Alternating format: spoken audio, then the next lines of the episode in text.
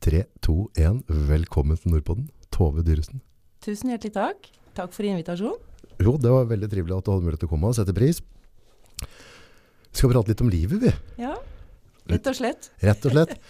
Også ironisk nok, altså, det er litt merkelig hvordan ting detter foran føtten. Men når jeg møtte deg ute på gata her, så sa de jeg måtte bortom, bortom en butikk rett bortpå her, og så handle med noe snus. Ja. Og så sto det ei lita veit der, lita jente, Ja. eh, med noen juletrær og noen greier, og så med en sånn der gråfjell-lue, kan være en 8-9 år gammel. Ja.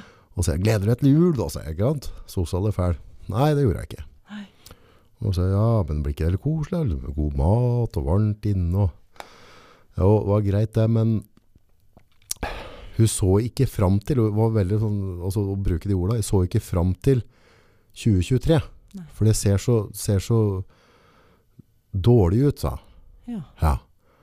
Og da sa så du hørte jo, du bare Ja, stod ja, og sier at du må huske på det, at det du ser på, på internett og på TV og sånne ting, Mm. de som driver lager dette de vil at folk skal klikke og se på ting, Mm. og da driver de og overdriver og skremmer opp litt. Mm. Så dette går nok helt bra, men du må ikke bare høre på altså, nyhetene hele tiden, for de, de, de svartmaler litt.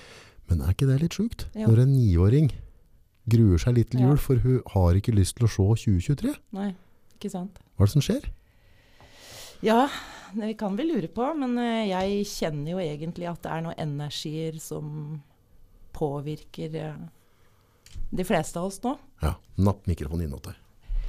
Det er eh, Det er liksom om å gjøre å fylle oss med frykt og angst, og jeg syns jo media har liksom eksplodert på den nå. Det var, det var ikke sånn for ti år siden, var det? Nei, det var ikke det, vet du. Og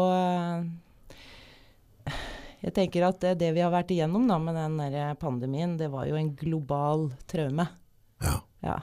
Og hvordan de forskjellige mennesker har håndtert det, da. Mm. Ja, og hva vi får ut av det. Det kan være noen som har fått mye positivt ut av det, og andre har rett og slett traumer av det. Så når jeg tenker på hun jenta som jeg møtte ute der, så tenker jeg at det, hun har nok eh, kanskje fått litt mye av eh, de dere tragiske, vonde tilbakemeldingene om situasjonen vi er i. Er det tegn på at vi voksne må ta oss og skjerpe oss litt? For en niåring Mm. i Norge, Mm. på torget på Hamar, Mm. skal ikke gå og bekymre seg for nyåret. Nei. Det er, det er, altså, de skal leke, og altså, Mm. skjerp dere, folkens. Ja, det var egentlig ganske sterkt, syns jeg. Fordi jeg har jo fire barnebarn, og de gleder seg til jul og lager julegaver og, og har liksom eh, opprettholdt den gleden rundt julefeiring, ikke sant. Og så opplever du plutselig at, at det finnes barn som faktisk har sette sånne ord på det. Det syns jeg er sterkt. Ja, jeg ble litt redd at jeg tråkka uti at kanskje mora eller faren hadde dødd, Mm. altså at det var første jula. Eh, så jeg tenkte at nå, nå åkla det over her. Ja. Og så ble jeg enda mer overraska da jeg hørte at, at det så, det så mm. ikke så bra ut med 2023. Mm. Men hun smilte litt, så det- vi kommer til å klare oss fint, sa jeg. Ja. Så må du huske på at du må ikke tro på alt det de sier på TV. Nei. Nei, for de Nei. overdriver veldig. Ja. De skriver aviser og, og lager TV. Mm. For de skal ha en story, og da Ja, ja. verre der og verre er det. Mm. Og da gløtta jeg litt på smilet, men Ja. er det sånn vi skal ha det? Har vi noe valg? Ja. Eh, ja, valget er jo på en måte å finne en annen måte å leve livet oss på enn å være avhengig av media. ja. Det tror jeg kanskje flere bør tenke på, fordi jeg, jeg hørte på en podkast uh, på NRK hvor det vart, kom veldig tydelig fram hva barn mister med sosiale medier, bl.a. Mm. Av nærhet, nærkontakt, øyekontakt, de Mm. tinga som er viktig i deres utvikling. da. Mm. Og så ser jeg jo liksom på barn eh, rundt meg som sitter i hver sin stue, snakker i telefon og spiller på TV. Ja. Vi er ikke, vi er ikke i samme rom lenger. Vi Nei. har ikke den fysiske kontakt.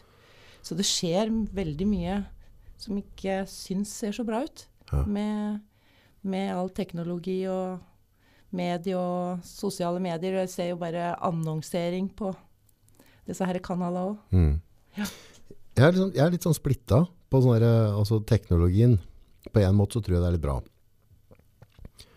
Uh, men det handler om hva vi fyller den teknologien med. Mm. Ja. Så på en måte når du så på så NRK da, Mm. Så, altså, ja, jeg hadde en med Rinnmannsbanen der, altså landsvikergreiene.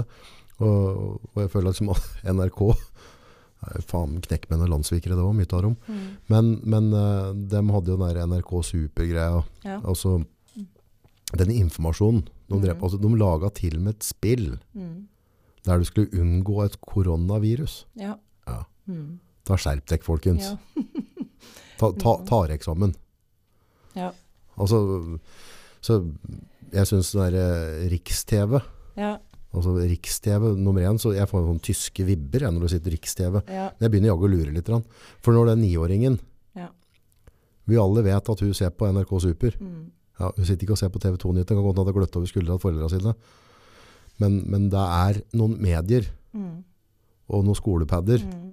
Som de unge har fått den infoen da. Og da skal de ikke stå på torget her og være redd for 2023 når de er ni år. altså. Nei, det jeg tenker litt på, det er jo liksom hvor mye kontroll kan man ha hele tida på hva unga får med seg på sosiale medier. Jeg tenker på TikTok og blant Ja, annet. TikTok som- den er brutal. Ja, men det er jo veldig, ve veldig interessant for barn i en viss alder. For meg òg. Jeg, jeg, tror- jeg, altså, jeg laga en sånn Mr. Nordpodden etter det, en sånn TikTok. Ja. Ja. Ja, så jeg skulle liksom lage litt TikTok, da, så jeg døtte litt av og Sånn, alt det men, men der blir det hekta. Altså. Ja. Der går det to timer. Sånn. Ja. Nei, det er vanskelig å si, for det er som du sier, det er jo egentlig et fint verktøy hvis det brukes på en fornuftig måte. Og så tenker jeg at uh, jeg tror vi mangler litt kunnskap, jeg. For å så vite hvordan vi skal forholde oss til det, og særlig overfor barn, da. Ja. Så mangler vi noe kunnskap. Det er ofte det er kunnskapen vi ja. For det, da tror jeg kanskje vi hadde møtt det på en annen måte, da, som voksne. På en, ja, altså på en måte så føler jeg at, at uh, sosiale medier, da, Mm. så, så klart det er mye, mye, mye, mye tull der, og mye oppgulp, men samtidig så, så, så styrer folk. Men jeg er mer bekymra for VG, Dagbladet, Aftenposten, NRK, TV 2. Altså de store mediekanalene. For hvis vi snakker om eh, den depresjonen vi har hatt nå, da, med, med, med eh, at vi har hatt mindre sosial omgang og sånne ting, i den der eh, pandemigreiene, Mm. så har det vært, altså, altså, det har vært så mye feilinformasjon og frykt Mm. basert rundt dette der. Mm. Eh, og og nå, nå kommer det fram. Altså, I andre land nå så har de sagt at ok, vi, vi har, vi har tråkka over. Ja. Myndigheter har beklaga til folket Mm. på, på, på direkten. Mm. Beklager. Vi hørte på farmasauta og ditt og datt. Vi skulle aldri ha gjort det. Vi er her for å beskytte dere. Mm. Dette var feil. Vi skulle aldri ha stengt ned. Nei. Det er ikke noe vitenskapelig bevist på å stenge ned at det hindres vaksiner opp og ned. Mm. Altså, det, har, det har skjedd så mye feil. Mm. Men ingen av de riksdekkende nyhetskanalene her nå er villig til å rake opp ryggen. Nei. Men har du lagt merke til noe senere nå? Jeg datt innpå at jeg drev og sett litt på VG og Dagbladet, bare på litt sånn spennende hva som skjer med denne krigen. Men nå, nå, de, nå har de en sånn bølge, legg merke til det, på dødsfall. Kjente Ja. folk som døve, har du sett det? Ja, veldig. Ja, Det har jeg lagt merke til. ja nå har det vært en måned nå, så det kommer fram. Og han har døva, hun har. Nå, altså, Mm. I manko Mm. på at det ikke har vært en utvikling med noe, noe omikrom eller apekopper Mm. og sånne ting, Ja. så har de klinka til Ja, på kjente folk som daua. Ja. Mm. Faen er det som feiler dem da? Ja. Kan ikke folk gå og lese den rubrikken i dødsannonsen som vi gjorde før? ja. Hvis du er gira på det. Nei, jeg har lagt merke til det. Du har sett det du også? Ja, ja. Nå er jeg ikke jeg noe sånn veldig til å lese aviser, men jeg er jo på Facebook da innimellom. Men jeg, jeg begynner å bli så Jeg, jeg kjenner jeg har litt så- rett og slett sånn provosert av all annonsering på alt mulig rart. Ja. Ja. Ja. Og så hører jeg liksom ja, Vi snakka på det på jobb i dag, forresten. Dette her med påvirkninger utenfra, og, og at folk liksom er så opptatt av å kjøpe ting, og det er materielle ting, og det skal være opplevelser. Men som jeg sa, vi er jo med på å skape det her. Mm. For vi kjøper det. Mm. Dessverre. Så hva gjør vi hvis vi ikke trenger mer av det? ja, og hvor mye trenger vi? Vi har altfor mye. Ja. Ja. ja, rett og slett. Ja. Og jeg alt tror det gjør deg ulykkelig, det er jeg helt sikker på. Ja, det er noe med dette her med å ta valg, da. Så da syns jeg litt synd på de her barna som vokser opp, som egentlig ikke trenger å ha det ansvaret å ta alle de valga. Mm. Og om de i hele tatt klarer å lære seg å ta gode valg ut ifra at det er så voldsomt mye valg. Og jeg tenker at det skaper et press da, Mm. i det her, med at du har så mye å velge mellom. Mm. Så sånn sett så var det noen som faktisk sa at det var litt godt med nedstengning og pandemi i starten, fordi de kom nærme hverandre, de fant på helt nye ting. Og de eh, ha, ha, kunne jo ikke ha de der store tankene rundt eh, sydenferier og store ting, fordi de måtte liksom være i nærmiljøet i skogen og Ja. ved sjøen. Ja. Men så var ikke det så dumt likevel. Nei. Jeg er jo campingdame. Ja. Ja, jeg har jo sett det. De tre åra som har vært nå. Det har jo eksplodert. Det har det, ja. Ja. Ja. Og folk som kanskje aldri har løgget i en bobil, har jo prøvd det og funnet ut at det er jo en utrolig fin måte å feriere på. Ja, ja, ja. Så det er gøy, da, syns jeg. At vi ser at uh, campingplassene i Norge har hatt en skikkelig opptur. Ordentlig opptur. Ja. Når du prater på, på valg på, på de yngre og ungdom, mm. og, og sånn, du er jo Jeg har glemt å etablere det. Altså forhold til hva du har drevet med og hvilken utdannelse du har. For du har jo jobba mye med ungdom. Ja, jeg har jobba med mennesker siden jeg ja, var 12-13 år. Ja. Det begynte som dagmamma, da. Dagmamma, ja. ja, Ja. Jeg var ikke mer enn 12-13 år da. Nei, jeg er som poteten, så jeg har vært innom masse. Mm. Ja.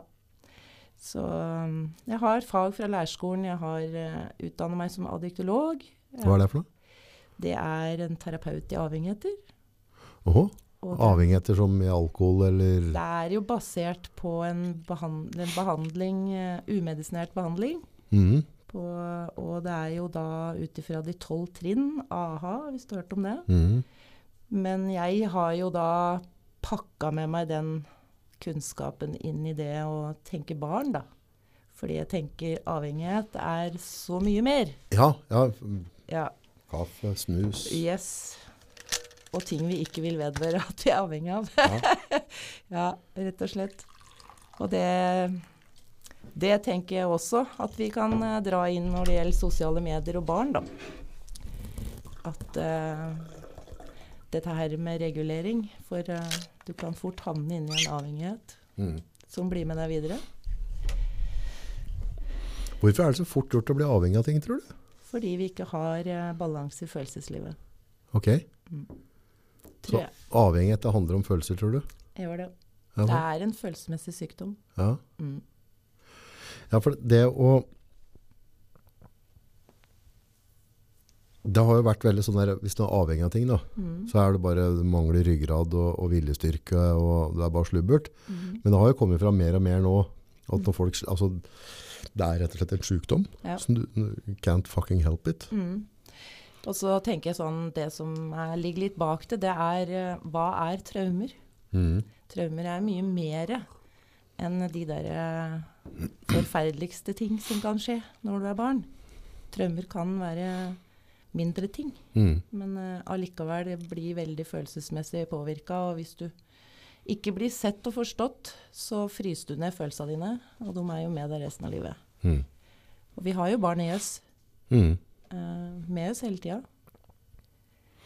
Ja, for jeg tror en sånn følelse som kan være veldig sterk, er jo den øh, følelsen av øh, urettferdighet. Mm, Den er ganske drug. mm, Uh, og det, det glemmer litt at unga. Jeg glemmer det stadig vekk. mm, For det, hvis jeg, hvis du behandler meg urettferdig nå, mm. så, så våkner det opp en løve i meg. Altså, altså, Ja. det, det, det finner jeg meg ikke i? Det er helt uhorribelt. Ja. Men unga blir jo urettferdig behandla konstant. ja, ja. Av lærere, av foreldre, av besteforeldre, av venner, Mm, av bussjåføren. Altså, mm. altså verden er ganske urettferdig. Ja. Men som barn så har du veldig lite å ta att med, for du har bare å, å, å, å finne deg i det. Mm. Og så er det dette her med trygghet, da, som er liksom grunnmuren, da.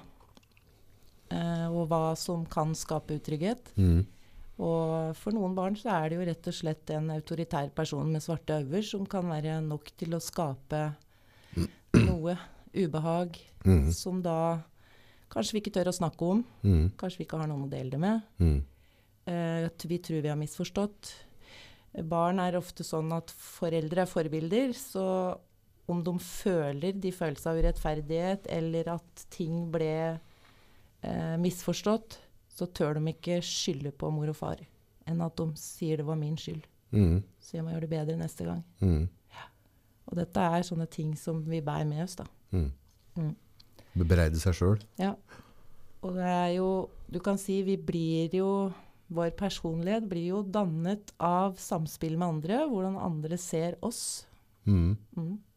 Og da kan du tenke liksom Hvis vi tenker det på mobbing, da. Det er en traume. Å, ja, ja, Ganske ja. stor traume. ja, det er megareelt for Mm. veldig mange. Så er det jo sånn at vi er jo kan si Barn skal ut i samfunnet og sosialisere seg på skolen og sånn. De er jo veldig avhengig av hvordan andre ser på dem, og de er avhengig av å få respons. Uh, og dette her med å ikke passe inn, det tenker jeg også er en stor traume. Mm. Det å føle man ikke passer inn. Det er litt spesielt, for det derre altså Det behovet eller det rammeverket for å passe inn noe, om det er skoler eller om det er altså Det, det har blitt så viktig. Mm. Uh, og det, det føler jeg at det er en sånn myndighetsgreie. Altså det, er, det er lagt opp et system, så skal vi alle passe inn. da. Vi alle har våre brikker. Mm. Og så er det veldig lite forståelse for at vi alle er litt annerledes. Mm. Hvorfor, hvorfor må Hvorfor er det sånn derre Det å lykkes er å passe inn? Ja. Mm. Uh, hva er det det er for noe tull? Ja, og så kan du liksom se litt mer i den voksne verden, så er det jo liksom det å være den unike som egentlig nå begynner å tre litt fram, da. Mm. Gjøre noe helt annet. eh, Alt eh, alternativet. Mm. Ja, men, eh, men som barn så skal du passe inn. Ja. Ja. ja, ikke sant. Først skal Mm. vi lære dem å gå, og så når de klarer å gå, så får de liksom sette seg. Mm. Skal de dem å prate, og så når de begynner å prate, så ber de holde kjeft. ja, ikke sant. Det er ganske sprøtt. Ja. Begynner å få mer egne meninger, så begynner det å bli liksom litt mer komplisert kom kommunikasjon. Ja, og når du blir voksen, og så kommer det neste Mm. fase. Mm. Da skal, du, da, skal du, da skal du blomstre på en, da skal du være unik. Mm. Mm. Og det ser en jo nå ikke sant, med, med om det er eh, ansiktsutsmykkelser med, med, med piercing eller tatoveringer, Mm. eller om det er klesvalg, Mm. eller om det er vi gutta som skal ha kule biler. Ja. Altså, vi er hele tida ute etter å markere oss. Da. Ja. Dette Mm. det er ikke lurt. Og så hørte Nei, altså vi hørte på Eller det var vel, var vel på en eh, nyhetssending. Dette her med utdanning og, og stress blant ungdom. da. Mm. Hver tredje elev i en klasse på 24 hadde psykiske problemer. Hver trea. Mm. Og begrunnelsen var rett og slett stress og prestasjonspress. Og jeg tenker at det, det er ikke overraskende, det. Nei. Fordi nå ser du liksom eh, alle muligheter som ligger foran deg, da. Mm. Det så ikke vi når vi gikk på skolen. Nei. Nei. Vi tok det som kom, vi. Det det var liksom enten handelsgymnas eller eh, allmennfag, det altså. Ja, nå har du noe så helvete med valg. Ja. Ja. For alle, ja, men det er, skal jo ha opplyst, det er så opplyst alt nå, vet du, at eh, nå er det liksom så mye de skal ta stilling til. ja. Og er det bra, liksom? Jeg er som jeg sier, igjen har vi så mye å velge i at det, det er ikke bra. Jeg ser jo det bare på minstejenta minste, mi. Så hvis vi skal inn og kjøpe lørdagsgodteri Mm. Altså, Det er ganske bøse sukkerfellen som er på butikka. da. Men det å eliminere noe av valgene hennes, Mm. det gjør at det blir en raskere handel. Ja. Og så er hun mer happy når det går ut. Mm. Men hvis jeg skal velge mellom alle 70 forskjellige skipsslaga, Mm. så velg en av de tre her, sier jeg. Mm. En av de tre kan du ta. Ja. Jeg vet at det er innafor sånn noenlunde. Mm. Og da er det greit, hvis ikke hun vet allerede hva hun skal ha når hun kommer inn der. Mm. Så bare, så, så bare eliminere litt. Ja. Da er det enkelt og greit. Ja. Men hvis jeg får gå og trave att og fram der, så blir jeg usikker. Mm. Så sikrer jeg, og så, nei, så setter jeg tilbake til en, og så tar jeg en. Og så gjør jeg dette egentlig, den lørdagshandelen blir egentlig bare litt sånn, sånn usikkerhet. Ja. Valgte jeg riktig? ja, ikke sant? Uff. Det er ganske sjukt. Ja. Eh, Jeg kom akkurat til å tenke på, fordi eh, jeg um, har jo drevet fritidsgård med barn og ungdom. Fritidsgård var det. Nei, jeg kjøpte et småbruk da, som jeg da fant ut at der var det jo så masse fine muligheter for eh, barn og ungdom å kunne få lov å få med seg noen gode opplevelser og minner videre i livet, som var målet mitt da. Ja. Med natur og hest og ja. Så jeg skapte et tilbud for eh, barnevern og for private. Jeg hadde et SFO, så jeg reiste rundt på skoler og plukka opp eh, jentene. Det var jo stort sett jenter, da. Ja. Så jeg hadde ja, Jeg begynte med 80 jenter, og så avslutta jeg med 55, vel. 55. Ja, I løpet av uka. Og Oi. så hadde jeg en eh, gruppe med overnatting på helgene. Ja. Eh, og da var det jo Ja. Det var, vi brukte naturen, da, og hest. Det Ja. var liksom det. Og det, liksom det jeg skulle inn på der, var jo liksom dette her med Det var jo ikke alle de som hadde et godt nettverk i, fri, i fritida si. Og Nei. de så jo fram til den ene helga i måneden de skulle til meg, for da hadde de venner. ja. Så Å, jeg kjenner jeg blir litt rørt til å Ja. om det. Men det var liksom den der ramma vi lagde rundt det, da. Så er vi inne på det med valg. ja. De ville ikke ha mange valg. Nei. Det skulle være rutiner. Det skulle være forutsigbart. Mm -hmm. uh, og jeg husker liksom noen få ganger så følte jeg liksom kan vi, kanskje, kanskje vi burde finne på noe på lørdagskvelden enn å bare sitte her og spise den hjemmelagde pizzaen og ete den godteri, lille godteriboksen. Ja. Nei. Da foreslo jeg bowling, men det ble nedstemt. Det var For det var Vi har en helt fint. Vi har en tradisjon, og sånn er det. ja. Og det var litt deilig. Ja. Det, ja, de likte de rammen, og det skapte nok en trygghet. Og eh, det ble etablert masse fine vennskap. Så bra. Ja. Det, nei, det, det var Og det er jo derfor jeg sier det. Jeg må, jeg må ha noe med barn å gjøre i livet mitt, for det, det gir så utrolig mye. Der kan du gjøre en forskjell òg, vet du. Og jeg hadde jo da mange barn med, med diagnoser. Gutter. Mhm. Og jeg husker jeg var på et seminar og ble spurt om hvor ofte jeg hadde måttet ringt politiet. Ja. Og da liksom eh, Det har jeg aldri tenkt på. Nei. Nei, fordi de var snille og greie, de. Ja. De hadde klare rammer og trygghet og hadde kompiser og fikk leke, lekeslåss litt og Ja. Så det var egentlig bare eh, helt utrolig, for det var jo en seks-sju medisinerte gutter i dette her. Ja. Men det gikk så bra. Det var så gøy. Ja. Og den utviklinga som jeg òg så på de unga, det er jo noe med hest, da. Mm. Du har jo hatt ei her i studio før som har snakka om det med hva hest kan gjøre med oss, og hvilke gode ledere vi kan bli, vi som har håndtert mye hest. Ja. Ja. Så det ser jeg jo da på mange av de jentene som ikke hadde selvtillit, og som sto bak låven og var livredd hest, til å hoppe hinder og galoppere på tur og, og være helt konger, da. Hva er det som er viktig hvis du skal operere en hest, holdt jeg på å styre en hest? Hva, hva er det som, hvilke evner er det du må jobbe med for å, for å, å, å ha det bra med hesten? Være i rytme med den? Du trenger en god veileder da, sånn i starten, fordi det er noe med å skape den tryggheten du sjøl må ha. da. Ja. For uh, en hest der du kan si de, ja, en hest der veier eh, 500 kilo. Ja. Eh, det, er et sterkt, en sterk eh, eh, gamp Ja. som har mye krefter, men når du skal drive med hest, så er målet å lure hesten og tro at du er sterkere, Ja. uten å bruke makt. Ja. Fordi de er samtidig så følsomme at eh, sitter det flue i manen, så kan du se at det rykker i huden. Fordi de er utrolig følsomme. Ja. Så egentlig, når du, hvis du ser på et sånn dressurridning på TV-en, da, Ja. sånn eh, Grand Prix-nivå, ja. så ser du ikke hva rytteren gjør. Nei, Men han gjør noe. Ja. Hele tida. hele tida. Ja. Og det er så små signaler som, som skal til, da.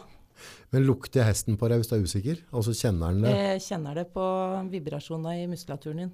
Gjør det? Ja. Ja. Så hvis det du er ute på tur, og så og hører du en traktor, og hvis du da er usikker på om den eh, hesten du sitter på er redd traktor, så får han beskjed om at 'oi, jeg skal være redd traktor'. Det er så enkelt. jeg kjenner det på den som sitter på. Ja.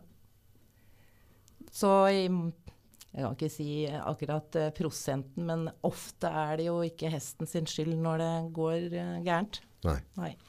Men er det da derfor du bruker hest, da? eksempel på ungdom eller yngre? yngre? Er det på en måte er det overførbart det du lærer eh, ungdommen på å kontrollere hesten? Altså er det noe overførbart i livet deres på en måte? Altså det med usikkerhet og, og ja, jeg ser jo det. De eh, jentene som jeg prater om er jo voksne nå, Mm. og er jo etablerte. Og Du kan si eh, hvor mye reflektert de er over hva det har gitt, det vet jeg ikke, men jeg tror det. Mm. Det har hatt noe å si. Mm. Og det som er veldig gøy, da, det er jo eh, Skal vi se, var vel eh, ti år etter vi var ferdige, så ønska de å ha en samling. Oi. Og da hadde de jo fått kjærester, noen hadde fått barn. Og, Ja. ja. og det var jo kjempe Og da får jeg veldig mye tilbakemeldinger for hva dette har betydd, da. Ja. Ja, noen savner du enda. Ja. Nå er de snart 30. så at det har eh, vært viktig, det tror jeg på en eller annen måte. Det er ikke sikkert de er helt bevisst på det sjøl, men eh, Tror du det er et viktig supplement å ha til skolesystemet vi har i dag? hva tenker du? Og en sånn type SFO-ordning, eller altså en sånn Er det noe vi trenger mer av, eller er, har vi de tilbudene rundt nå? Jeg tror det. Eh, at vi trenger noen alternative tilbud. For jeg ser at de SFO-tilbudene i dag begynner å bli så store. Ja. Jeg tror det kan være en utfordring for barn å være så store grupper. Og det å skulle bli sett. Mm. Det at eh, voksne kan være der og se alle situasjoner, det tror jeg ikke er mulig. Nei. Selv om det, de gjør så godt de kan. Mm. Ja. Så jeg har noen drømmer der, ja. Men det blir ikke hest, da. Blir ikke hest. Nei. Eh, jeg har nok tenkt litt på bestemors mat. Ok, hva er det for noe? Nei, jeg har jo vært litt opptatt av kosthold da, i senere år. Ja. Gitt, eh, og gått inn og tilegna meg en del kunnskap om det. Og har eh, eh, diabetes i familie. Ja. Mitt barnebarn fikk jo diabetes i fjor. ja. Det gjør jo sitt til at du blir mer sånn Du tenker mer på hva, hva, hva gjør mat med læring, f.eks. Mm. Og kan jo da òg tenke litt på oss voksne òg. Mm. Hvor mye overskudd har vi? Uh, handler det om hva vi spiser? Mm. Eller hva handler det om? Hva er ditt take på mat? da? Hvilken retning bør, eh, bør vi gå?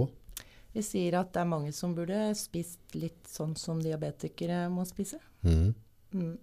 Eh, jeg er litt opptatt av Nå har jo denne her lavkarbodietten blitt litt mobba. Mhm. Men eh, jeg tror jo fortsatt på at vi får i oss altfor mye av det. For mye karber? Ja. Ja. Det er det jo i, i Du kan si vare, varespekteret nå. Det handler jo om at du må kjøpe det sunneste av det du kan få tak i. Og det er det grønne nøkkelhull på. Men hvor sunt det er, det Mhm. er en annen sak. Men det er det sunneste du kan få tak i. Mm, mm. Ja. Nei, så jeg tenker det er Jeg må si at det glipper litt. Jeg er en sånn derre mellomting. Eh, jeg tenker karbohydrater i kosten min, Mm. men det er ikke sånn at jeg skal gå i ketose og Nei. bli helt sånn slave i det. Eh, men, men jeg gjør det for helsa sin skyld. Men jeg har opplevd å få noen utfordringer i det, da. For det, det er mange som har en mening om at det er tynn. Ja. Ja. Og da blir ofte noen provosert av det. Med okay. at eh, du, tre, du kan jo spise hva du vil. Ja, ja, ja. Ja. Men det er jo ikke det det handler om. Nei. Nei. Det er jo handle om å spise det som er bra for meg. Ja, altså, jeg bare vet uh, Jeg har hatt mye interesse rundt mat, da. Eller også Mhm. sånn der uh, næringsinnhold. Og mine genetiske forutsetninger, eller altså hvordan setup i kroppen min er, er at jeg legger veldig fort på meg. Ja. Så, så hvis jeg på en måte ikke passer på hva jeg spiser, Mm. så får jeg den. Så nå, nå er jeg på en måte Sånn folk med fedme nå, så er jeg helt sånn i grenseland. Mm. Hvis jeg blir litt tjukkere enn det er nå, så, så opplever jeg at kroppen akselererer, og da, da får jeg kulemage og hengepupper veldig, veldig fort. Aha. Så jeg ligger akkurat i en sånn, sånn vipp nå da. Mm. Og det regulerer jeg veldig godt med karbohydrater. Ja. Og, og alle ganger når jeg på en måte har den type eh, fett som jeg har på kroppen nå, for det, det jeg har, altså jeg, jeg skjønner, jeg er jo ikke tjukk, jeg er ikke tjukkebollefeita, men jeg har unødig dårlig fett på kroppen som ikke trenger å være der. Mm.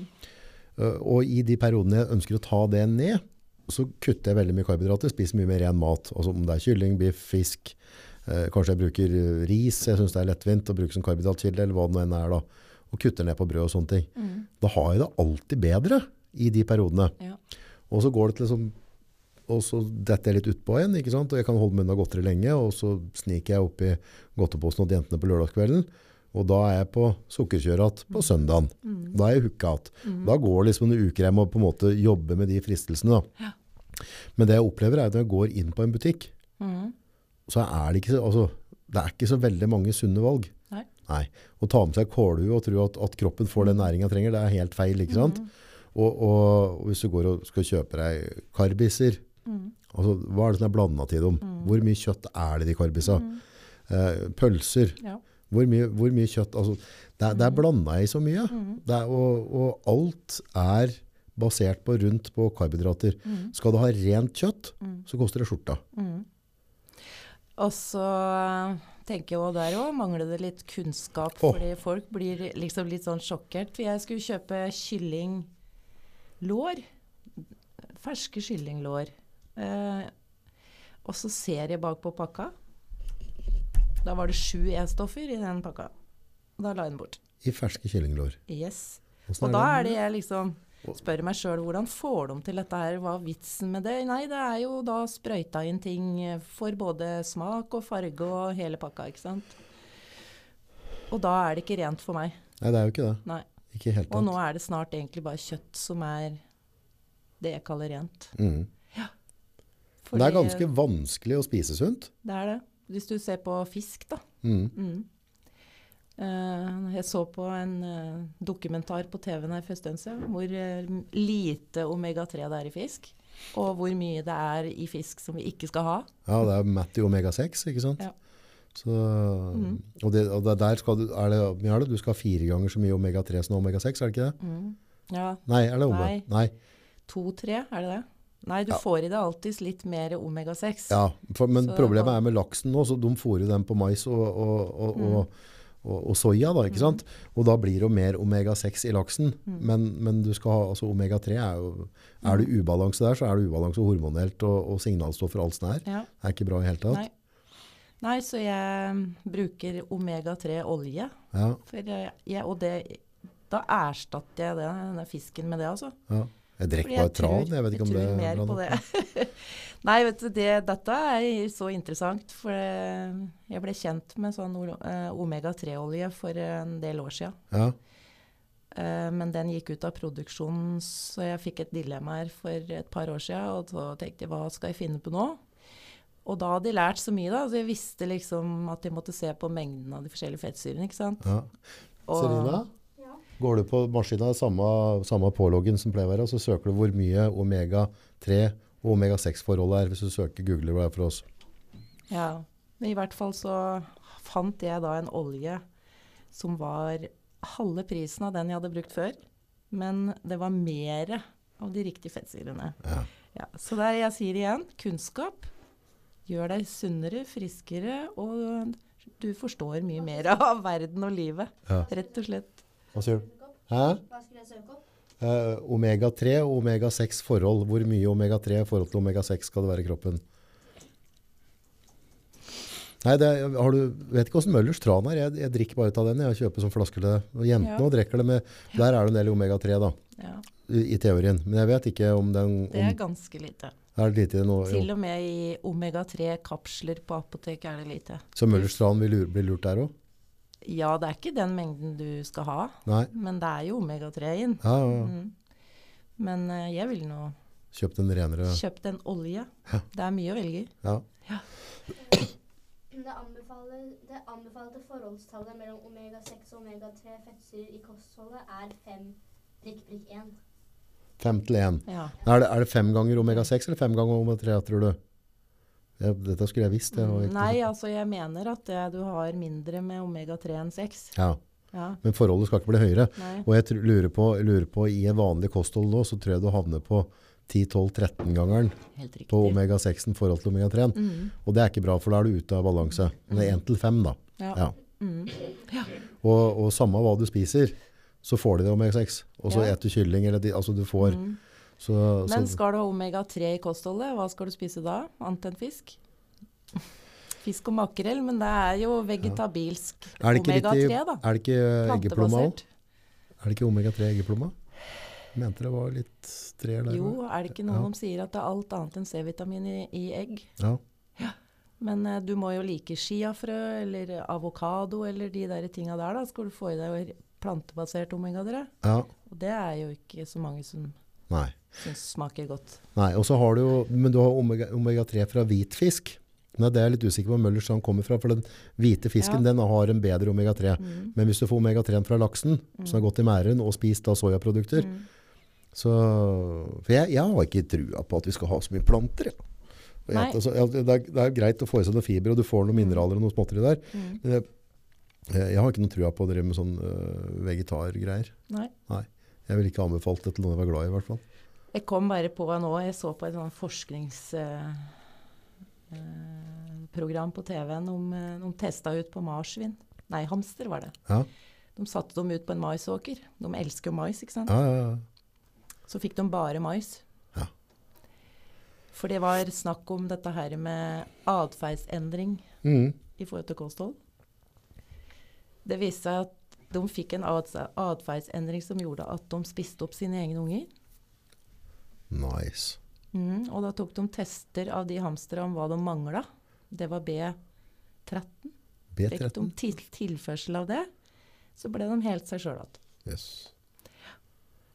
Så mm, hadde de avhengighetstest på rotter. Da hadde de eh, brukt altså narkotika på rottene. da. Mhm. Dopa dem på både narkotika og sukker. Ja. Putta dem i en boks, og så hadde de valget. Mhm. Hva, hva valgte de, tror du? Sukkeret. Yes. Men du husker den, der, eh, den kokain- og heroin-greia? De, de ga opiater og noe greier til noen rotter Ja. i noe sånn bur og styr og stell. Mm. Og så eh, Da så de det valgte det vannet med opiater i og ditt og datt, og så Mhm. ser jeg jo at dette er veldig vanndannende, rottene Mm. ble sånn og sånn. Men så var det en forsker som tenkte her må vi gjøre noe forskjell. Mm. Vi, vi lager rottehimmelen. Så de lagde rottebur der det var masse utfordringer, klatrehjul. Mm. Altså de lagde et fint, fint miljø for rottene. Mm. Og da valgte rottene vann istedenfor heroin. Ja. Så van, Ja. for det, under Mhm. Vietnamkrigen så var det jo gud, det var liksom så 400, altså 400 000, altså det var flere hundre tusen amerikanske soldater som gikk på heroin. Ja. For de røyker marihuana, Mm. men det lukter veldig mye.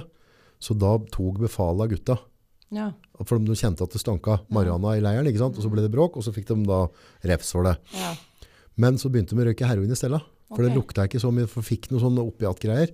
Og da folk ble avhengig av det, og Mm. brukte det slavisk. Mm. Men de kom tilbake de kom ut fra malariaen og skyttergrava, og fikk et normalt liv. Så slutta de. Ja. Ja. Mm. Så de viser at, det mye av avhengigheten med narkotika er veldig betinga til miljøet rundt deg. Så hvis du har et jævlig liv, Mm. så velger du dette her. Men har du et ganske bra liv, Mm. så er det ikke så nøye. Nei. Det er litt Mm. sjukt. Ja. Men sukker blir, altså det, det, det blir vi avhengig av. Ja. Det er ikke noe tema. Altså hvis jeg holdt meg uten sukker, holdt meg moderat på karbohydratene Mm. uh, i maten, og så holdt meg uten sukker ellers en måneds tid, Mm. så tenker jeg ikke på det i hele tatt. Men det er nok med én lørdagskveld. Mm. Gi meg én dessert. Ja. På søndagen da, så er jeg klever, Altså, da går jeg i skapet og leter etter ting. Jeg kan omtrent maule melis, liksom, Mm. hvis det er det jeg må gjøre. Ja. Nei, jeg har er litt svak for eh, den derre enkle melkesjokoladen, ja da. Ja, ja.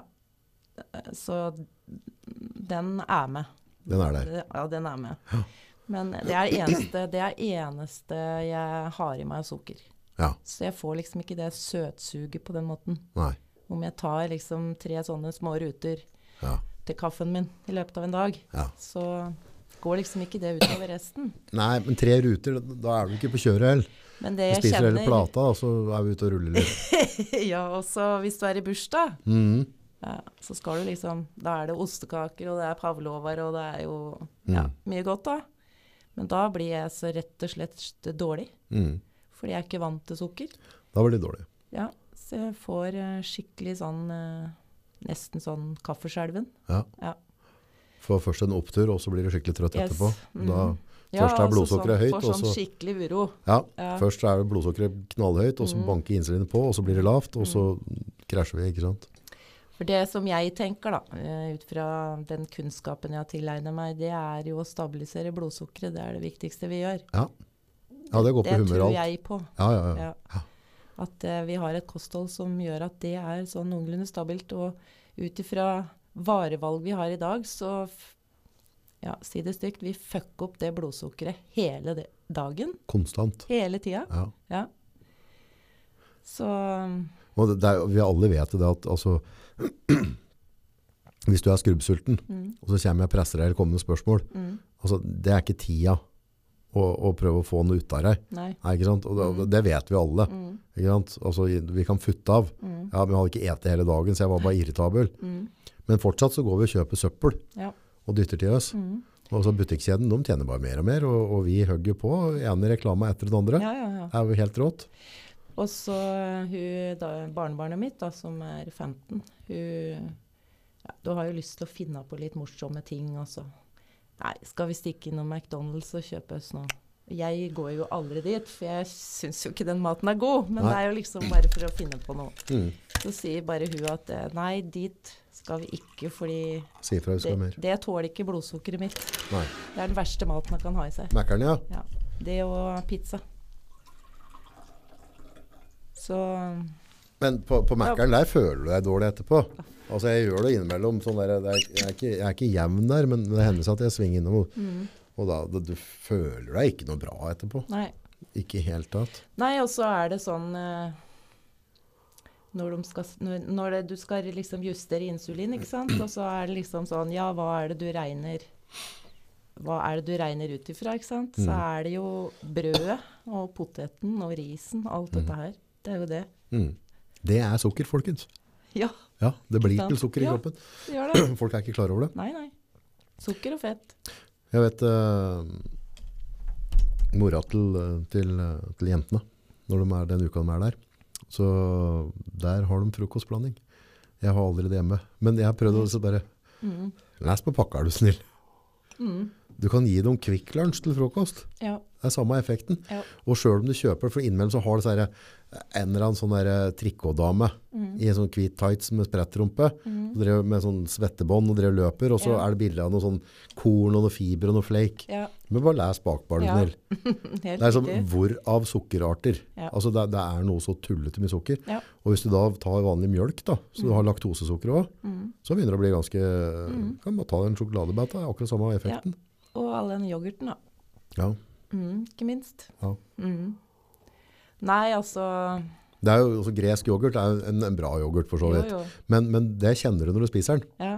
At det smaker ikke som den der Tine-yoghurten. For Tine-yoghurten, det er bare det er vaniljesaus. Ja.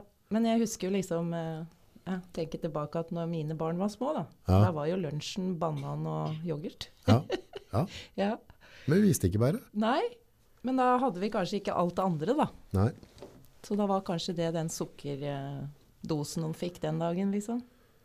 Men eh, det vi ser nå, hvis du går eh, liksom i avdelinga med barnemat, Ja. det var helt trist, så er det smoothie Ja. Ja. med kork som de uh, tror er sunt, da. ja. Mm. Men dette er jo gant, for du har sukkerose, og så har du fruktose. Mhm. Og dette er en sånn greie som folk ikke er klar over. For fruktose, det høres jo, det er brukbart. Ja. Ikke sant? Det er jo det verste. Altså det bypasser jo noe, noe, noe greier i kroppen, Mm. Så gjør at du, du føler deg ikke så dårlig.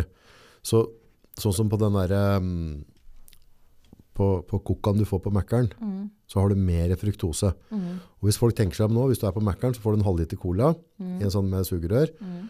og så slurper du deg den, så kunne du egentlig gått på neste også.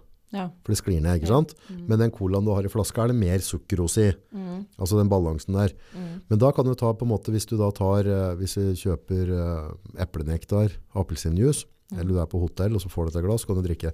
Hvis du da måler opp det i sukkerose, Mm. for det er jo fruktose i hele opplegget, og legger det i skål, og så får du unga til å spise det sukkeret med teskje, Mm. den mengden de drakk i de glassene der, Ja. så sier kroppen stopp på det sukkeret. Ja. Det, nå, oi, Mm. dette, nå ble jeg uvel, nå ble jeg dårlig her, ikke sant? Mm. Men så lenge vi blander inn fruktose, Ja. siruper, og det er jo blandet inn all mulig mat, Ja. så, så, så får vi ikke den signalen at kroppen sier at nå er det bra. Nei. Det bare slipper det gjennom. Mm. Det er litt skummelt, altså. Nei, altså Men vi har jo ikke noe valg, da. USA, corn syrup, det er jo alt. Vi må jo bare spise det som er å Men uh, man skulle kanskje begynne å dyrke litt sjøl. Ja, det tror jeg. Så du, det kan dere søke på på YouTube, så der har de, sånn- der har de gått inn. Det er sånn DNA-duder og sånne laboranter. Så napper de inn sånn Mac-eren og Subway og sånne ting. Mm. Og der var det, du har en sånn chicken sandwich på Subway. Ja. Den chicken sandwichen, altså den, den kyllingfileten der, Mm. var det 30% av den inneholdt kylling. Ja. Og 70% inneholdt alt mulig annet rart. Det er ganske sjukt, for du Mm. tror at du kjøper deg en kyllingsandwich, mm. at du får grovt brød, og så får litt salat, Mm. ditt. Men så er liksom hovedkalleret, du vet ikke hva det er engang. Nei. Det er bare en, altså det er, det er fruktose som er blandet, de har blanda inn alt mulig rart. Mm. Og så har du alle de E-stoffa, da. Ja, Mm. Det er vel egentlig en som er fra Brumunddal-området, som hadde et avisinnlegg oh, ja, om alle E-stoffer. Jeg okay. klippet det ut og har det, han burde, har det lagra. han burde fått inn. Ja, det skal jeg se om jeg ikke kan finne tilbake til den. Ottar. Ja. For det var veldig interessant. Og så, så jeg følger også med på det, da. Og vet at det mest giftige E-stoffet fins i tacolompe. Gjør det? Mm. 466. 466? Det glemmer jeg. Ja, for jeg kjenner det at eh, jeg, jeg eh, tenker jo litt på sånne ting da, når jeg skal servere barnebarn Ja, ja. mat. ikke Og sant? helst ikke gi dem, Så får jeg litt sånn vondt inni meg, da. For noen av dem vil jo bare ha, vil jo helst ha den tacolompa, ikke sant? Men den glutenfri er den samme, samme stoffet i den, Samme greia. Ja. Mm. Så blir ikke noe bedre der, eller? Og da tenker jeg liksom sånn eh, Hvorfor? Altså, det er barn som skal ha i seg dette her. Sjekker du, Selina, hva som inneholder i E-stoff 466? E466? Så, og så um, Nei, og så kjenner jeg liksom eh, Polarbrød med brunost, f.eks. Ja. jeg kjenner det jo helt vondt, men det er jo så godt, da. Ja, ja, ja. Men eh, det Det er er masse råtgift. karbo. Masse karbo. Hva inneholder E E466? ja. Du kan f.eks. finne det i sau... Men hva er det stoffet? Karboksymetylokelus. Ja. Mm. Hørtes ikke helt Grete Råd ut. Hva brukes det, hva brukes til, kan du spørre? Eller hva, hva er I sauser, drikker, dessert og bakvarer. Ja. Mm. Toro har jo gått fram og sagt at det ikke er aktuelt for dem å fjerne E-stoffer i produktene sine. Så alt av poser, posesupper, posesauser, lasagnepakker, kaker mm, mm. i sånn ferdig Ja, det inneholder masse Ja, for det, det, det, som, det som irriterer meg med E-stoffen, da, uh, hvis det er på en måte mm, et E-stoff da, som, som gjør at maten ikke blir fordervet så kjapt, Ja. av at vi har en logistikkgreie, ja. så kan jeg være med litt på det. For da, Mhm. da har det en kost-nytte. Mm. Men at de bruker et E-stoff bare for at kyllingkjøttet skal se hvitere ut, mm. eller biffen skal se rødere ut, Mm. det er jo rett og slett meningsløst. Mm. Altså, de, bare, de har det just for good measure, for at det skal Mhm. se litt mer pop ut. Ja. Og det er ikke ok, tenker jeg. Nei. Og så er det Ja, jeg snakka jo med en som har jobba på det som heter Gilde. Ja, Og da er det jo sånn at det sprøytes eh, ti, i, inn i kjøttet for at vekta skal gå opp, ikke sant? Gjør du det på Gilde òg? Jeg trodde det var bare kineseren som drev med det. Ja, Nei, det var i hvert fall det jeg fikk fortalt, ja. ja. ja. Mm. At det er eh, en misvrengende væske da, ja. Men det ser du i hvis du den kjøper, behandlinga av kjøttet. Hvis du kjøper kylling, eh, kyllingbryst, kyllingfilet fra Sverige. Mm. Den er det mer vann til enn det er på den Prior i Norge. Mm. For der kan du få, de er ganske store og fine, og så mm. veier du dem før stekt, og så veier du dem etter stekt. Ja, Da blir det ganske borte ja, mye væske i panna, og så Ja, er det borte mye kylling da. ja. Men det er det du kjenner det på konsistensen, og han er liksom akkurat som strukturen er litt borte i kjøttet. Blir litt mer sånn geléaktig. Mm. Nei, jeg spiser mye kjøtt, jeg da. Ja. Og så sies det jo på den andre sida at kjøtt skal vi jo ikke spise. Det er ikke bra. Nei, jeg vet ikke, kanskje søtt. Jeg er litt opptatt av den evolusjonsteorien, jeg da. Hva var det de spiste? Ja, ja, ja, Hva var det vi spiste en gang i tida? Det er sånn ideell kost for meg, hvis jeg på en måte klarer å holde meg noe sukker, da, Mm. er at hvis 70% av kalderne mine kommer fra kjøtt og fett, Mm. så er jeg happy. Mm. Og så kan jeg ha 30% som jeg skeier ut da. Mm. Så, men jeg er jo stort sett om jeg bare steker med en biff, og så har jeg litt ris, bare for, for jeg synes det er godt å få litt karbohydrater, Mm. så er det helt greit. Mm. Men jeg prøvde carnivore og gikk fire måneder og kun spiste biff og egg. Fire Oi. måneder i strekk. Funka Ja. som bare det. Men eneste at jeg følte at jeg Jeg var alltid fysen på litt karb. Ja. Ja. Mm. Så det etter fire måneder så begynte jeg å legge på litt rann, en, en eh, tre-fire toppa spiseskje med ris til ved sida, bare for å få den der lykkefølelsen av å få litt karbohydrater. Mm. Og så sklir det ut da. Ja. Men det jeg synes var veldig lettvint da, med den der corner carnivore, bare at jeg har det ikke blødd, Mm. så skal jeg ikke ha det. Nei. Jeg kunne ta noe egg. Ja, Men, men, eh, men det ble ganske sånn der, eh, frokosten, hvis jeg da spiste en biff på 300 gram eller et eller annet, en uh, entrecôte, for, Mm. for det er mye fett, Mm. så måtte jeg ha minimum to speilegg til. Ja. For ellers så krasja jeg ved en 11-12-tida på dagen. Ja. Da, da, da kunne jeg ratte innom bensinstasjonen og få i meg et eller annet tull. Mm. Men fikk jeg de to egga, Mm. så kunne jeg gå helt fram til 4-5, til jeg kom inn av husets fire vegger og var i trygghet, og kunne ha meg tid til å lage noe ordentlig mat. Ja. Så det var veldig viktig at jeg da fikk i meg nok til frokost. Mm.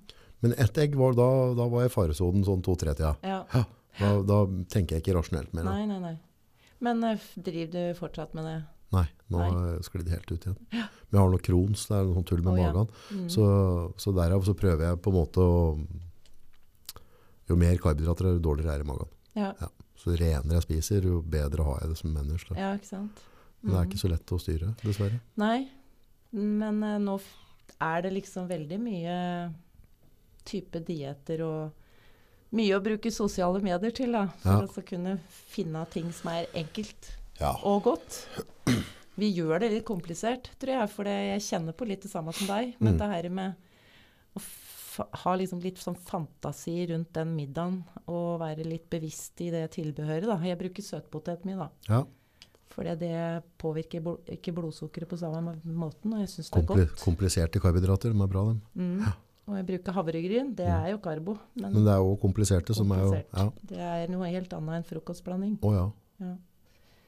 Så jeg prøver liksom å Og så kjenner jeg liksom at jeg skal ha barnebarna på besøk, og så skal vi ha litt sånn juleverksted, lage noen julegaver. Og så tenkte jeg uff, jeg vil ikke bruke tid på middag. Hva finner jeg på da? Ja, da ble det jo pølse og lompe, da. Mm. Og da hadde jo jeg hatt pølse og lompe i to dager til, ikke sant. Og da er det sånn jeg får kjenne på samvittighet da, skjønner du. Mm. Nei, dette skal ikke jeg ete. altså. Skal ikke drive og ete det der hele tida. Mm. Så så fort jeg liksom sklir ut litt, så kjenner jeg liksom at nei, det vil jeg egentlig ikke. Jeg, jeg vet jo løsninga på det for min del, hvordan jeg skal spise riktig, men jeg vet ikke hvordan jeg skal klare å overholde den løsninga. Og løsninga er For vi, vi, vi I de landa vi bor i, da, Europa, Mm. USA, altså, så, så lever vi for å spise. Mm. Men du skal egentlig spise for å leve. Yes. Ja, that's it. Så, så når jeg var på den karnevoren der, så funka det. Altså, jeg følte ikke at det manglet. Eneste at jeg måtte være litt hardere på saltet, Himalaya-salt. Mm. Trengte mer av det. Mm. Så jeg brukte meierismør. Ja. Og så, så jeg hadde liksom skåret av, la smør oppå, og spiste da entrecôte Mm. øh, og egg. Det var det. Og jeg følte ikke at jeg mangla noen ting når jeg først kom inn i det. Ja. Og så begynte jeg da å sykle litt og legge litt karbohydrater til, og så sklir det ut igjen da. Mm. Men det jeg syns var så ålreit, for når jeg spiste den biffen, når du går på liksom den 70. dagen, Mm. så, så har du ikke noe glede av å spise biffen. Jeg spiste den for at jeg visste at den næringa må jeg ha Ja. for å fungere i dag. Mm. Og da spiser jeg for å leve. Og det var egentlig en god følelse. Mm. For hvis jeg da møtte deg så satt på kaffebordet, og det var noe Marie-kjeks der eller et eller annet, Mm. jeg hadde ikke behov. Nei. Jeg hadde det jeg trengte. Det var, det var ikke en fristelse. Nei. Men det er som sagt for min del, litt karbohydrater, Mm. så, så havner jeg på kjøret igjen da. Så er det dette med at eh, mat har jo blitt en sosial greie, da. Det er jo noe vi liksom eh, gjør i fellesskap, og det er en nytelse. Og, og jeg tenker sånn at hvis du skal liksom ha en bevissthet i hva du spiser, så må du liksom eh, endre litt livsstilen din. Mm. Helt avgjørende. Ja, det er ikke bare hva du spiser du må endre på, du må endre på så mye mer. Ja. Og det er ikke alle villige til å gjøre.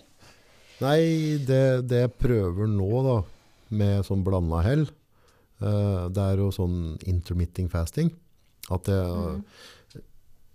noen kan spise på morgenen, noen på kvelden, men jeg tar det på kvelden, Mm. for jeg sover veldig dårlig hvis jeg ikke, altså jeg kan, Mm. Jeg kan våkne opp etter en time da, Mm. og, og da, da går jeg til angrep i kjøleskapet. Mm. Så, men det med at jeg da spiser på kvelden, har tre-fire timer jeg spiser på, Mm. gjør at det er lettere for meg å unngå fristelse på dagtid. Hvis jeg venner meg til at på dagtid skal jeg ikke ha noe. Da. Ja. Men når jeg har vært ute av det, så nå i dag så spiste jeg første måltid klokka tre. Mhm.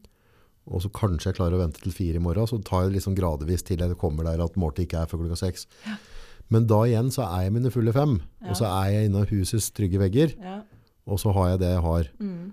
Men den største utfordringen er jo når jentene er hjemme, for da har vi brød. Ja. De får med seg brødskiver. Mm. Og brød er veldig vanskelig for meg å ikke ta en skive eller to eller tre eller fem.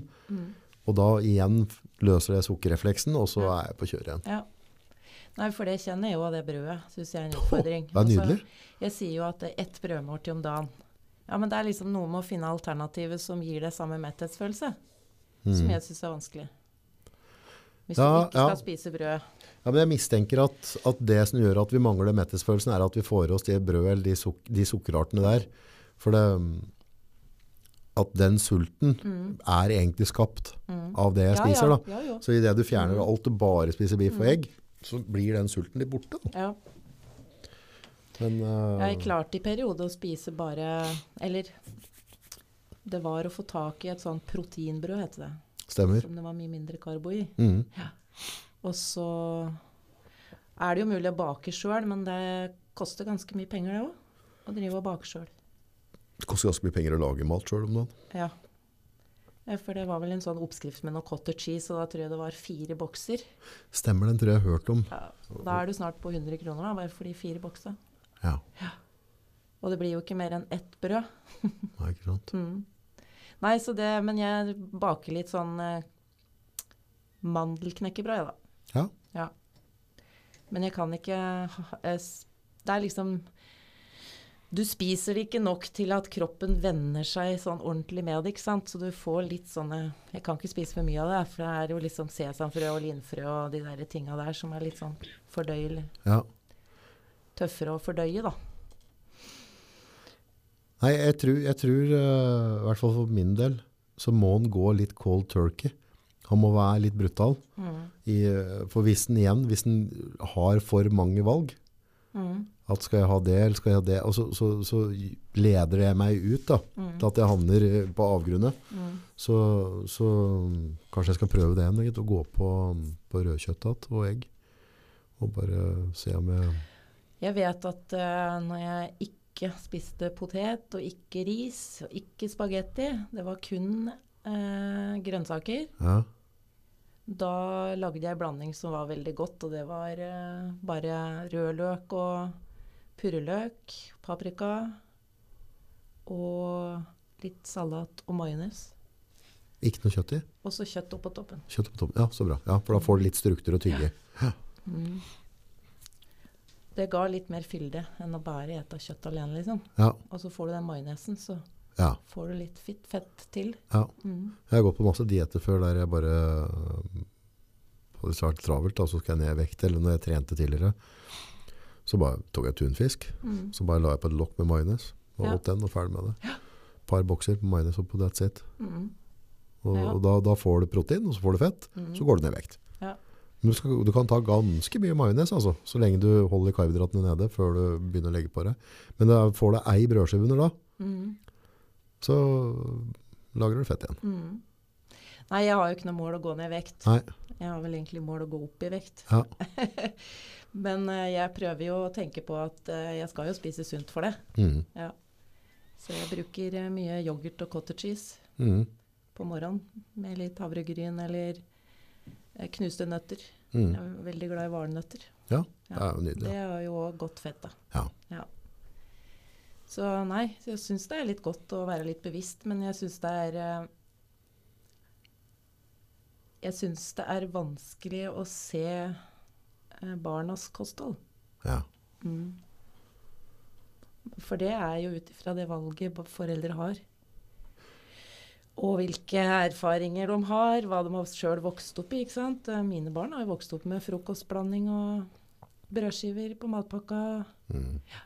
Det sitter ganske godt. Kjen, Jeg kjenner jeg får litt dårlig samvittighet nå, for det, vi hadde en ganske lang periode så jeg stekte noe kjøtt, Mm, og så et egg, mm, Altså om det var bacon eller om det var noe altså, kar, mm. sånn eh, hamburgerkjøtt eller et eller annet.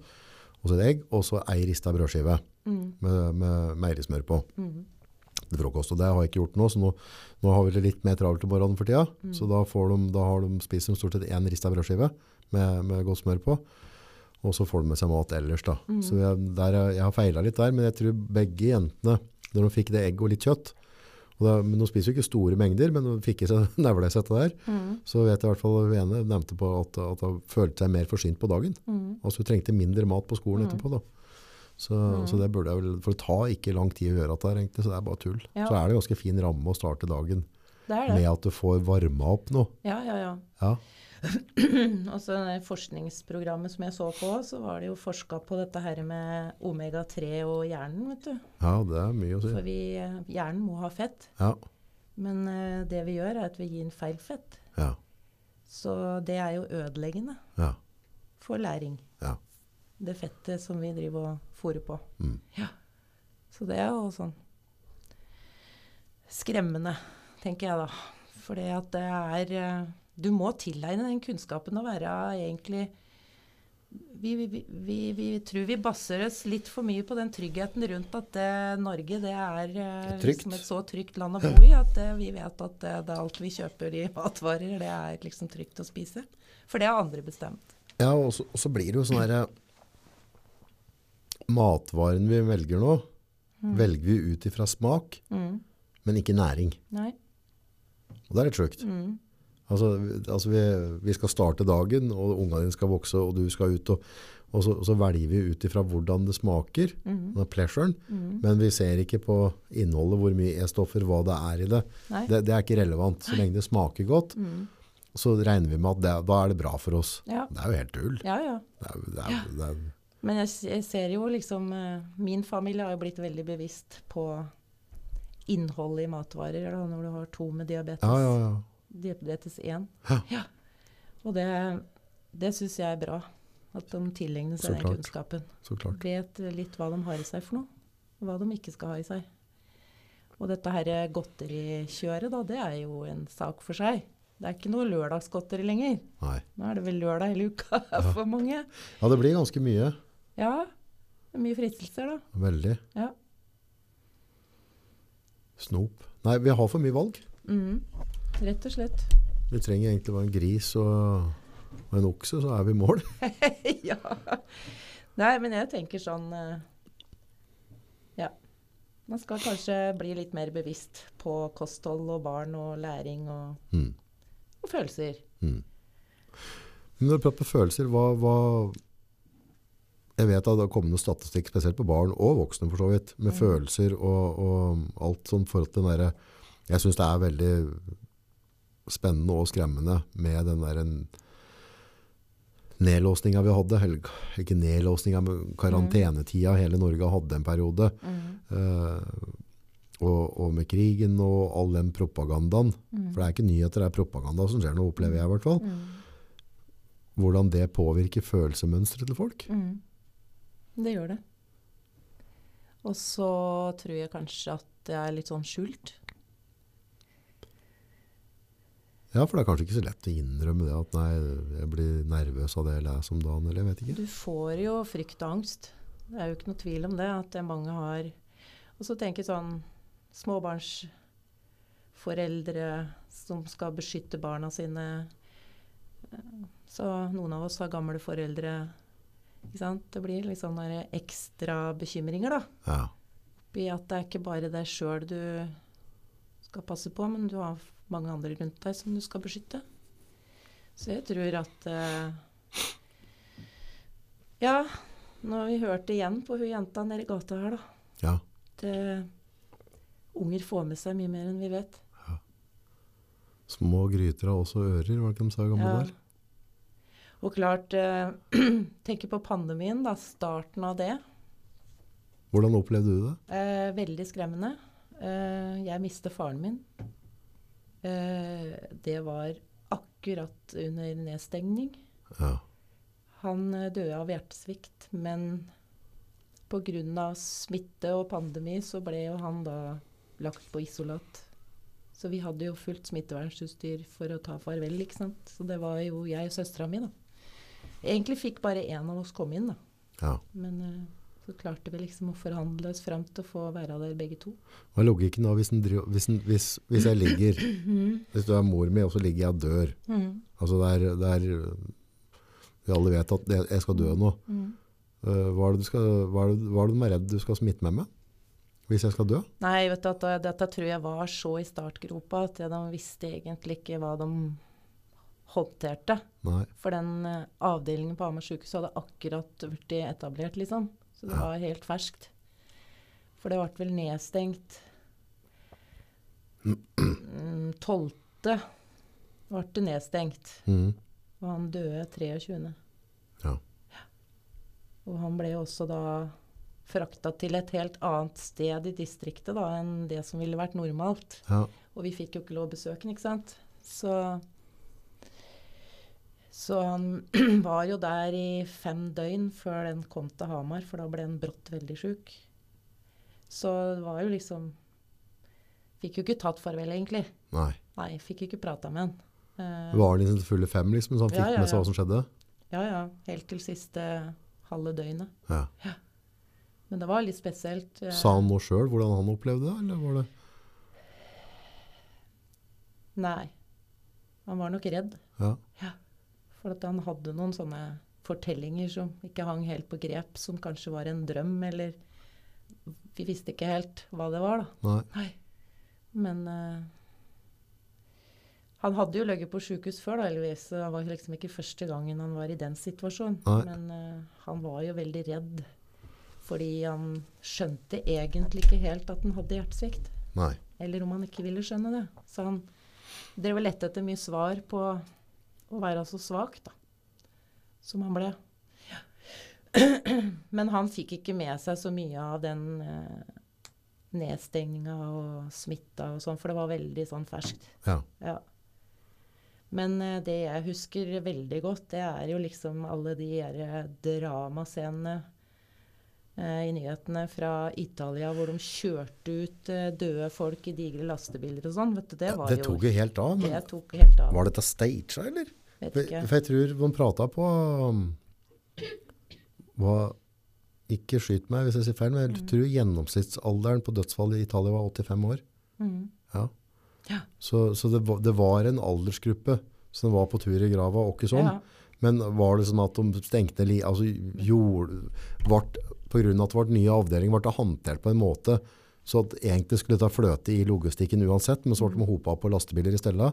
For det, altså jeg tenkte at nå, nå er spanskesjuka på tur inn Ja, det, døra her. helt, det synes jeg var Det er sånne bilder som sitter på netthinna mi. Og det fra disse her eh, avdelinga òg, hvor de kjemper for å holde liv i folk. Og det var jo skikkelig sånn drama, spør du meg. Ja, Sånn, ja, ja, det, Helt uvirkelig. ja.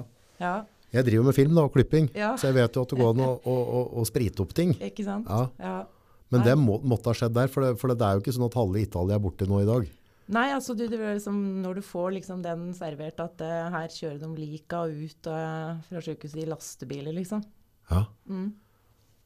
Nesten sånn, så for deg sånne massegraver og nei, uff. Det var, det var egentlig, jeg er hun Kari Jakkesson, vet du. Ja. Hun, hun ble slaktet noe så gærlig. -hmm. Men hun sa, når jeg gikk der, så bare, altså, hvor er pandemien? Jeg går rundt på gata, det ligger ikke døde folk i gata her. Hvor er pandemien? Mhm. Og hun hadde jo faen meg rett. Mm. Og snittalderen i Norge er 85 år Ja. på dødsfallet. Det er, det er liksom ikke-eksisterende omtrent på dem under 40. Så så vi nede i Kina, vet du, der de gikk i sånne hvite drakter og spyla gater og Ja, ja, de kjørte med last, ja, lastebiler som spyla hu stemmer Ja, ja, ja. ja. Det var jo rene filmen, vet ja. du. Mm. Da jeg hørte en som taler på at det er forhold til med tallet av Kina og sånne ting. Og klart det var mange som døde der òg, men der òg hadde vi en gjennomsnittsalder da. Og de kommer jo ikke inn på de stedene som de normalt sett skulle gå inn og avslutte livet på, på gamle dager. Men sånn sånn, du må jo huske på at når du ser på, på dødsfallet i Wuhan, Mm. det er 18 millioner innbyggere i den byen. Mm. Ja. Ja. Vi, vi snakker Ja. tregangen av Norge i Ja. én by. Ja. Så, så hvis du har tre ganger Norge i én by, Mm. så kan du få fylt opp en lastebil. ja. Med hjerte- og karsykdommer jo. Det, Mm. altså, men, men det ble liksom ikke satt i forhold, vet du. Nei. Så, nei, jeg husker, når du sier det faktisk, så husker jeg at det kom, var det ikke noen lastebil som kjørte med noen kanoner og spyla ned? Ja, ja, ja. Helt ekstremt. Så var det bare tull? Alt var så ekstremt. Det så ut som det, akkurat som det var på film, liksom. Ja. Ikke var virkeligheten. Ja, så husker jeg det var i Italia, vet du, for de, det har de kommet frem til nå, det, det er jo ikke noen sånn konspirasjon, det, det, det vet de jo. De kjørte jo sånn pustetuber ned, og det tok jo livet av folk. Mm. Du skal jo ikke ha folk på respirator, for, det, for da slutter jo lungene å funke selv. Mm. Så det var liksom sånn der, de begynte å, å konvertere dykkeutstyr.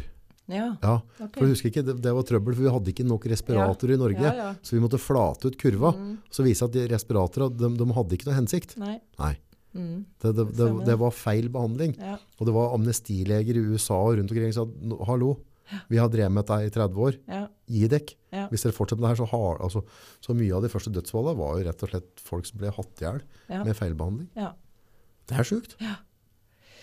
Nei, og så tenker jeg sånn Nå er jo sikkert konspirasjonsteoretikere bare prater om det. Ja, jeg vil være litt, være. Jeg vil være litt forsiktig. Ja. Hvorfor har lov det? Man har lov å være, det lov å være skeptisk. Nei, altså, jeg, I dag jeg er medlem Jeg får et sånt blad som heter VOF-forkortelse. Ja, Ja, det er et sånt helsemagasin. ja. Det er jo, der blir det jo publisert ting som ikke blir VG. publisert. ja. Og da leste jeg akkurat om uh, ei som var eh, vaksinasjon, vak, vaksinefornekter, ja. og hva, Hva- hun har måttet gjennomgått. Og så, og så, hvem er det som Altså- fant på fornekter? Og som skal ikke bruke ordet fornekter engang. Nei, altså, nå var det jo snakk om om det de eh, var en del av samfunnet lenger, og om de var velkomne på julebord og sånn. Ja. Hæ? Det er sånn derre Er det mulig? Og så funka ikke vaksina. Nei, altså, den jeg har tatt, den var jo ikke testa ut om uh, hindra smitte engang. Nei, ingen av vaksinene hindrer smitte. Så Nå vet du det nå. Så, Nei, og så, så det, det, det går FHI, det er bare å gå og søke sjøl. Det står jo der, de, han, han øh, Slaktestad, som jeg kaller det, Nakkestad, han sa jo det sjøl, at Mm. det har vist seg det at vaksine er kanskje ikke løsninga på dette her. For det hindrer jo ikke smitte. Nei. det er jo noen som har tjent penger, da. Det er det. Selvfølgelig Ja. penga, så er det men, men det rare er liksom at hvis du prater vi, kan, vi får egentlig ikke lov til å prate om det. Nei, nei. For, for da, da er du tulling, ikke sant? Ja. Men du valgte å ta vaksiner, eller? Jeg hadde ikke noe valg. Jeg jobba i helsevesenet og hadde veldig mange jeg trengte å beskytte rundt meg. Ja. Min gammel mor og, og da sårbare mennesker som jeg møter hver dag, ikke sant? Ja. med underliggende sykdommer. Og, så jeg kjente at det gjorde at jeg ikke hadde noe valg i forhold til Jeg hadde ikke kunnet gått på jobb da, Nei. med det med meg at jeg kanskje bar en smitte inn. Ikke sant? Og På går det med å jobb, ha i hjel og en hel avdeling? Skal liksom jeg føle et ansvar hvis det skjer noe med den? Men, men, men den informasjonen du sitter på nå i dag, hadde du tatt vaksina da? Nei. Nei. Det tror jeg veldig mange Det har kan samme. kroppen min svare på. Det har du merket i etterkant at det ikke Ja, var det? ja, jeg sier at det, det skjedde noe Det skjedde noe med kroppen min etter tredje vaksine. Ja. Så jeg var hos kiropraktor i mars og får beskjed om at uh, min venstre side samarbeider ikke med mitt hode lenger. Nei. Så den lever litt sitt eget liv. Ja. Og så har det liksom da dukket opp at uh, gamle smerter og nye smerter og nervesmerter og Nervesmerter er ganske vanlig å få. Tok alle i den derre her. I Ja. den skulderen her. Ja. Har jeg fått alle tre. Ja. Så det kjenner jeg jo i hele Ja. Litt samme følelsen som de som har hatt korona kan snakke om. Ja. Litt sånne ilefølelser, akkurat som du har en viss volt i kroppen hele tida. Ja. Oh, ja, ja, liksom, Ja, ja, ja. Men det er ikke sånn veldig smerter, men det er sånn at du kjenner at kroppen slapper egentlig aldri av, da. Mm. Ja. Er- Jeg var og filmet på et sånt seminar der det var eh, en del høyt deklarerte leger, Mm. annet, med lang erfaring, og det var jurister der, Mm. eh, og pratet litt rundt den eh, vaksinegreia der. Du er ikke alene, for å si det sånn. Mm. Men jeg tror veldig mange ikke er klar over at du faktisk eh, kan, eh, at du, at du bør gå inn med Altinn-koden din, og registrere bivirkninga, Ok. og, og, og du har krav på fri rettshjelp på å søke erstatning. Ja. Jeg var ikke klar over det Nei. i det hele tatt, men, men inne på den der helsegreia der, så mm. har det en eller annen type sånn app eller noe annet, til, eh, du går inn, og så kan du registrere bivirkningen. Jaha. Hvis alle dem nå som sitter og har opplevd et eller annet i etterkant, ikke er klar over det og går inn og registrerer det, Mm. så er det ingen som må stå til rette for dette her. Men da skal du gå inn og registrere det, og så hvis det da på en måte har påvirket livet ditt, som gjort at det har skjedd et eller annet på jobb, videre utdanning, Mm. la oss si at du, eh, at du er eh, 20 år, og så skal du gå krigsskolen, Mm. men gikk ikke. Mm. Altså du fikk fatigue, ble dårlig etterpå, du kom ikke videre. Så skal det kalkuleres ut, hva er det du fremtidig har tapt? Og da har du krav på fri rettshjelp. Jeg skal ha inn en jurist her som skal gå gjennom dette faktisk, en Ja. nå. Så da kan dem fremme. For ellers så hvis du gjør dette selv, og ikke du har en jurist på laget, og det er mange jurister i Norge nå som, som rekker opp fingeren, Mm. eh, altså mm, mange ganger, jeg husker ikke, var det 10, 7, 8, 17, altså gud, Mm. hvor mange ganger paragraf 100, grunnloven vår om ytringsfrihet, ble forandret i den tida her. De, har- altså, de har forandret på grunnloven Mm. underveis. Mm. Men en ting har de ikke forandret, og den får de ikke gjort, er at du har krav på fri rettshjelp, Ja. og kan søke erstatning for dette der. Ja. For det, det, det samtykke, hvis du skal samtykke til en medisinsk behandling, Mm. det, regn, det, det regnes ikke som samtykke hvis ikke du hadde fått den informasjonen Nei. som du skulle ha fått. Mm. Ja, hvis du bare fikk en type, gjør dette her, du kan ha ihjel hele, hele nabolaget hvis ikke du skjerper deg og, og følger retningslinjene. Men dem som ga deg stikket, Mm. de dro ikke opp brosjyra og sa at dette bør du være klar over. Mm. Det skjedde ikke. Nei. Så folk har vært lurt på flatmark. Mm. Og, Så, så det, det å gå inn på helseappen og registrere bivirkninger, det tror jeg er veldig, veldig viktig hvis vi skal lære noe ut av det. Ja. For nå er det ikke sånn at ene side her og andre side her, vi folket er folket, vi skal jo henge i hopus, ikke sant? Og hvis da på en måte byråkrata skal måtte stå til rette for dette, så må folk registrere det. Ja. Nei, for det, det har vært inne på tanken om at eh, Men jeg har liksom valgt bare å skyve den litt vekk, da. I liksom litt sånn frustrasjon over at noe som andre har på en måte pressa meg til å gi min egen kropp, som jeg har da fått de utfordringene med. Ja. Det er egentlig ikke rettferdig. Nei, det er ikke, det er urettferdig. Ja. Det er ikke riktig. Nei. For du, du har ikke det valget du tok da. Mm. Du hadde ikke nok informasjon til å kunne gjøre et, et, et godt valg da. Mm. Og så tenker jeg sånn at, at det er forskjell på oss, da. Mm. Altså, min kropp har reagert sånn fordi at den har en historie som er sånn og sånn. ikke sant? Fordi mange av mine gamle skader, eh, gam, gamle type plager, har liksom bare eksplodert opp igjen alt på en gang. da. Fikk jo ikke lov å sykle, fikk ikke lov å trene. Og jeg er jo vant til å være aktiv, ikke sant. Så det å liksom ikke få lov til noe annet enn å, å prøve å slappe av, noe ikke kroppen klarer, da. Ja. Det er ubehagelig. Det er vanskelig, og da er nattsøvnen dårlig, da. Altså, ja, så blir det en sånn dårlig sirkel du havner i, da. Mm. Men nå har jeg liksom brukt noen tusen på helsehjelp og kommet liksom litt i gang på bedringens vei nå, da. Mm. Håper jeg. Ja.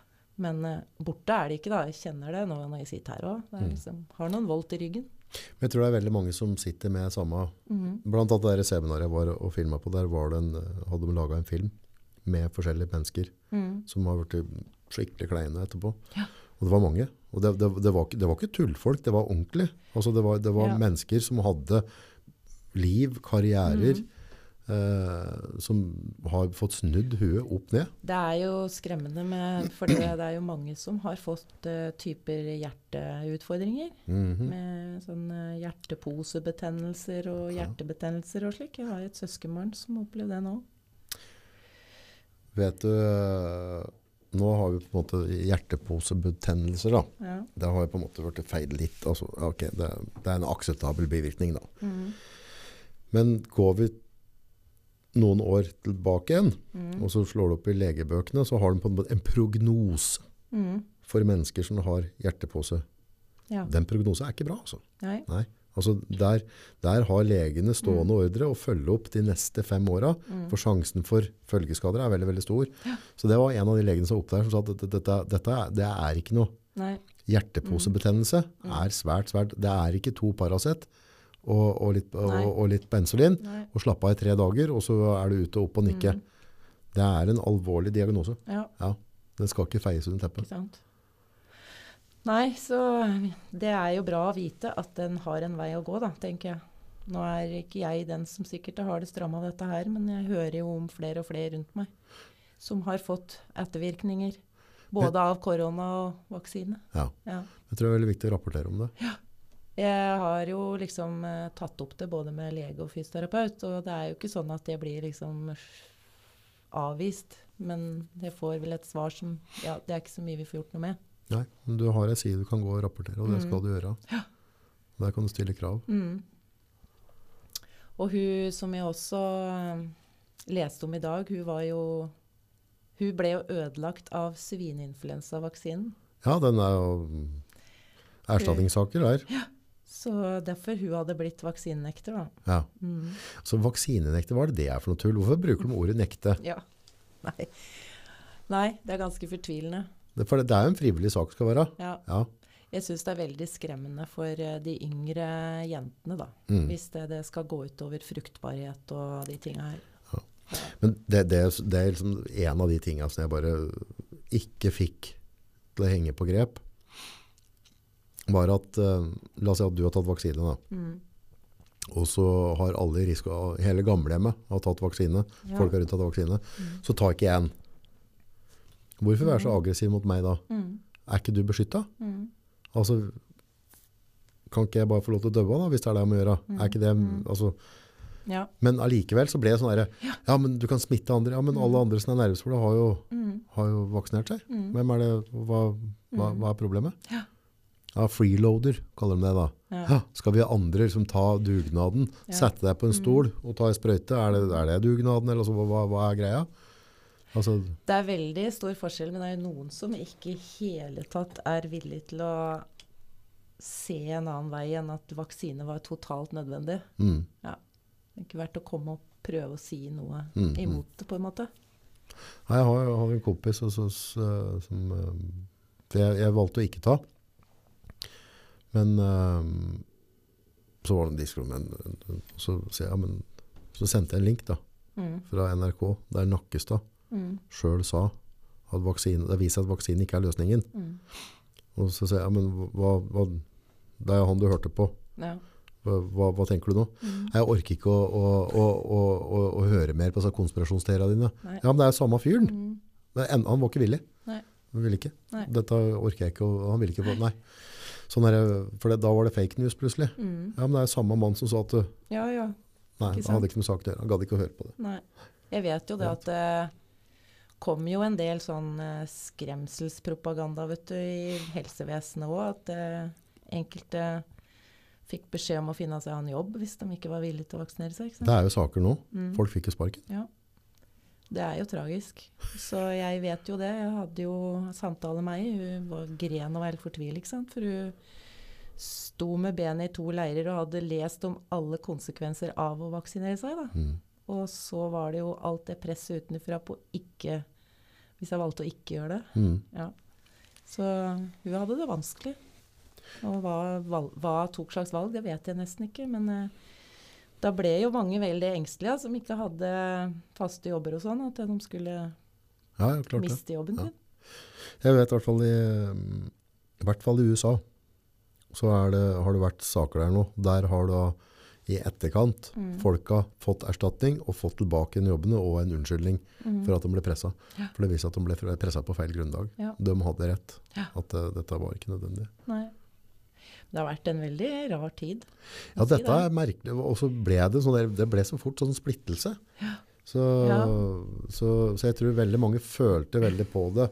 Mm. Mange som tok den følte at de, de hadde egentlig ikke lyst, men de følte at de ikke altså jeg må, ok, jeg får ta en Ja. kule for teamet, jeg må være Ja. med. Mm. Og dem som valgte ikke ta det, følte at de liksom, gjør feil nå, eller Mm. folk vil ikke ha noe med det å gjøre. Jeg hørte splittelser i juleselskaper. Ja, ja. Altså, det, det var vært ganske Mm. heftig. Ja. Men sånn eh, Totalt sett så har det vært en rar tid som jeg kjenner at liksom henger med oss litt ennå. Ja. Altså Ja, det Ting er, har åpnet opp, og nå har vi liksom de samme mulighetene igjen. Men, men jeg tror, tror at mange velger litt andre løsninger enn før pandemien. ja. Nei, det, det, ble, det ble Altså, ja, vi fikk en sånn tilbake på den splittelsen da. Mm. For jeg, jeg tok jo som sagt ikke. Og da tok jeg meg selv i å bli en jævla prest på å presse Mm. Ja. mine synspunkt over på deg. Så, så det er ikke bare dem som tok vaksine som presset andre. Altså her har presset gått begge veier. Ja, ja. Og så, og så ved et eller annet tidspunkt så gikk det litt opp for meg. Bare skjerp deg, August. Altså, la nå, hun få lov til å velge selv. Mm. Altså og, så, fikk jeg litt sånn dårlig samvittighet, for hvis jeg da kommer med masse argumenter hvorfor jeg ikke skal ta, Mm. så driv, da driver jeg med skremselspropaganda. Ja, ja. Da sitter du og, og skal du sitte Ja. og føle hva, altså, hva, hva ønsker jeg å oppnå med det? Mm. Så, så ved et eller annet tidspunkt, men jeg, jeg, har- jeg har drevet meg der at jeg var for sterk på at, liksom, at jeg skal prøve liksom å, å presse mitt syn. Ja. Akkurat sånn, Ja, ja. sånn, sånn nykristen, vet du. Og jeg, jeg, har- jeg, jeg sett lyset. Hør på meg, ikke sant? Mm. Så, så det, det gikk begge veier. Men nå i dag tenker jeg at nå, nå kan vi alle legge ned øksa. Ja. Og så, for ingen er bedre eller dårligere enn noen andre. Det, men det ble bare så forferdelig personlig. Det blir jo veldig mye meninger og sånt, da. At det, folk har jo gjerne sterke meninger. Ja. Vil gjerne ytre det. Ja, Du er, vil ikke jeg, alene, du er ikke alene om det. nei, nei, men Nei. så vil jeg forsvare min, Ja, ja. min handling. Da, og, så Ja. skal, og så vil du så klart forsvare din handling. Du Ja. har liksom gitt det til unga dine, du har, Mm. du har eh, gitt det til mora di, eller du har tatt det sjøl.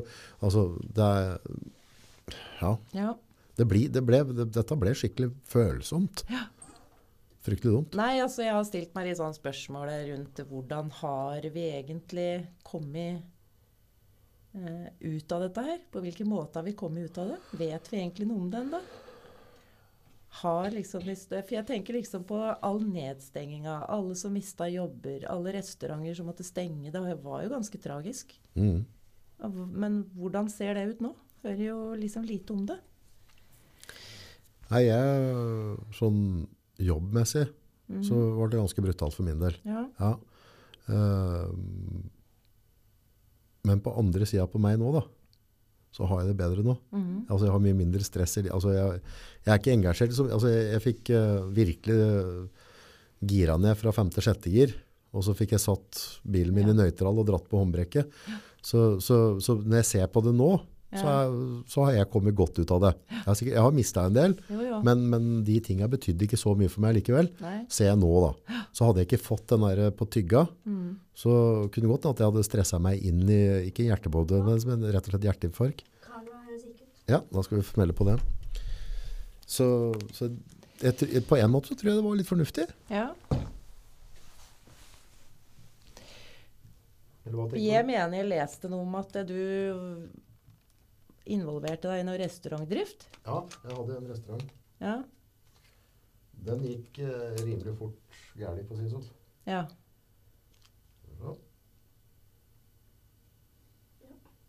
Der.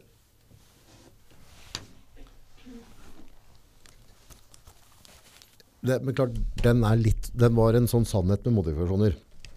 For det hadde vært en tøff periode før koronaen der. Mhm. Eh, og jeg er evig optimist. ja. Men, men jeg tenker da at hadde, hadde året gått normalt der, så skulle vi klart å rette inn at vi var på rett kjøl. Gjort masse tiltak, lagt ned masse dugnadstimer. Uh, markedsføring, mye forskjellig. Da. Så, så vi var på tur en stand. Og så kom denne greia der. Og så var, jeg husker ikke så godt, men det var liksom, tante Erna sa én ting, Mm. og tante Anita sa en annen ting i Brumunddal, Ringsaker. Mhm. Det ble veldig mye. Og så ble det sånn derre hold dere oppe, så er du Josef Mengle. For før du et ord av det, så drar du noen inn på restauranten din, eldre mennesker, og så døva de på trappa for at jeg ikke hadde klart å holde smittegrense. Ja. Altså hvor langt avstand, spriting av hender, avstand på bord. Og så hadde vi veldig mye sånne eventer, altså barnedåper, Ja. konfirmasjoner, mm. eh, pensjonistforeninger Mm. som kom og møttes da. Eh, og løpet av en treukersperiode, Mhm. Så fra en full kalender i våren, for da har på en måte julebordet, og så får du dratt opp litt der, så har du januar, februar, som er forferdelig. Det er veldig, da har folk brukt opp penger i jula, Ja. så begynner det å løsne på litt i mars, mm. og så kommer april, og så ruller det på utover sommeren. ja. Men alt det som sto i slutten av mars, april, mai og Ja. juni, der var, var kaste kalenderen. Mm. Alt, alle ringte og avlyste. Ja. Så fra at vi har og da fant vi ut at da er det ikke noe vits. For jeg, jeg vet, åpner opp i juni, åpner opp i, vi, vi visste ingenting. Nei. Så den, den måtte gå. Og så hadde jeg, forut med filminga, så hadde vi ganske mange som jobba der. Ja. Eh, og da driver vi med content marketing, så vi er jo ute på kontoret til folk. Mhm. Det var til stopp på. Ja. Det var ikke noe å sende noen inn Nei. der. Nei. Så alt, alt vi driver med er jo intervjuer og filmer og følgemennesker. Så fra da, da var det minimere. Så, så mista sikkert 70% av inntektsgrunnlaget der. Ja. Så det var, eh, og da hadde vi på en måte rigga med firmabiler, kontorer, kameraer, PC-er for at dette skal rulle og gå. Ja, ja. Så, det, så det ble det ble kosten litt. ja. Men igjen nå, så jeg har det ok nå. Ja. Sitter her og drikker kaffe. Så bra. Men eh, da, ja, det har jo vært en reise for deg òg, da. Ja da. Mm. Ja, det har det har vært Så det er som jeg sier, altså, når du kaster en stein i vannet, så har du ganske mange ringer. Ja, veldig. Mm.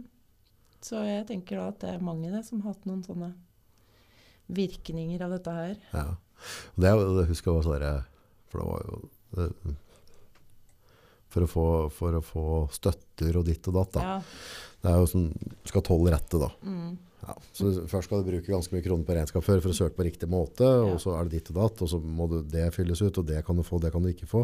Så det var en jungel i seg sjøl. Mm. Og da var det veldig sånn derre Ja, hvis du ikke tåler den perioden der, så, så, så uh, har ikke firmaet ditt uh, livets rett Nei. allikevel. Nei. Nei, ikke sant? Mm. Og for dem som tenker det, da, Mm.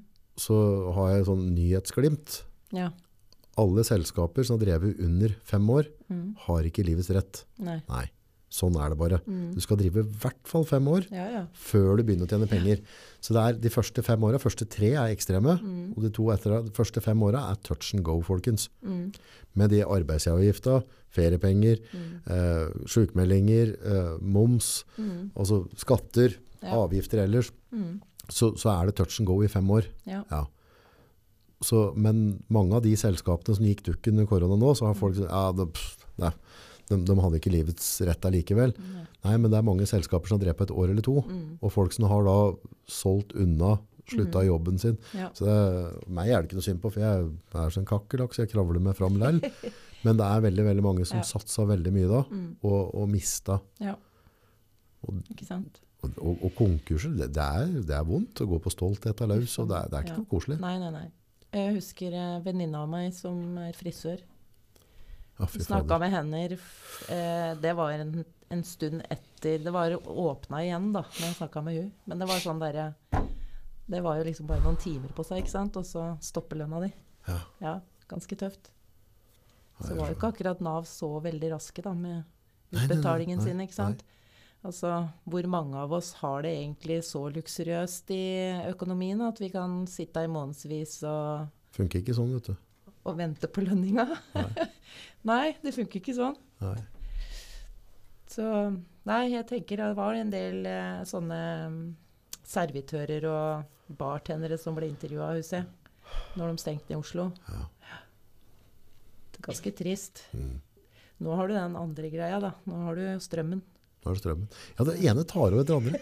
Men jeg husker et sånn paradoks, om det var ja, ja, Jeg er dårlig på måneder, da. Men eh, Churchill, det er en eh, pub i Oslo. Mm. Jeg var på noen greier. Så Satt jeg og mor mi der, og så tok uh, kopp kaffe.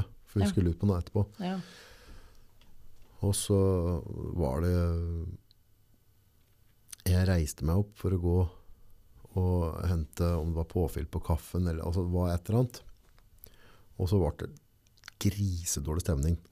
For da hadde jeg reist meg fra bordet, og så har jeg gått mot bardisken. Mm. Eller om jeg skulle på do, eller, altså, så hadde jeg ikke på, hadde ikke på maske, vet du. Nei. Nei. Og, det, og det var liksom sånn derre Rett før han ringte vekter på meg, liksom. Det var, det var, altså det, det, var, det, var, bare sånn jeg tenkte at der, jeg gidder ikke å dra på det søppelstedet der en tur til. Her sitter jeg, og så det er ikke at vi brukte masse penger, men jeg tror vi kjøpte en Munkholm og noe kaffe, og så det var bare noe småtteri.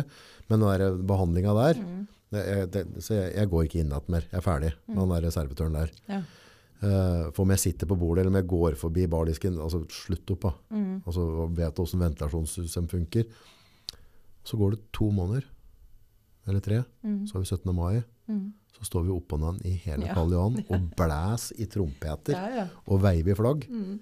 Så fra liksom å, å bli kriminalisert for å gå på toalettet uten reise deg fra bordet og ikke ha på den papirduken, til at vi alle står på den. Dette, ja. dette syns jeg var helt rart. Er det Ja, ja. ingen, var det ingen andre som reagerte på det, eller var det Det var litt rart. Ja. Jeg husker jeg leste noe om dette her med togreiser. Jeg er medlem av en sånn eh, gruppe på Facebook. Ja. Eh, og da var det mye skrivinger om regler fra den ene grensa over til den andre og sånn. Og, og da var det jo Husker ikke landet, men der, der, kunne det jo bli, der ble det jo kasta, rett og slett. Mm. fikk ikke være med hvis du ikke hadde munnbind. Ja. Men så fort vi hadde passert grensa, så kunne så du bare kaste det hvor du ville. Ja. Det er litt sånn Skjønner det som vil, da. Ja, ja, ja, ja, Mm, det smitter ikke på den sida av grensa. Det tror jeg er litt av den grunnen til at du ikke Jeg har alltid vært glad i å reise som alle andre mennesker. Mm. Men nå senere tid så har jeg ikke vært så sugen, men det er sånn her, for jeg skulle, var med en kompis til Spania. eller noe. Um, for da hadde jeg fått uh, Jeg fikk uh, coviden, Mm.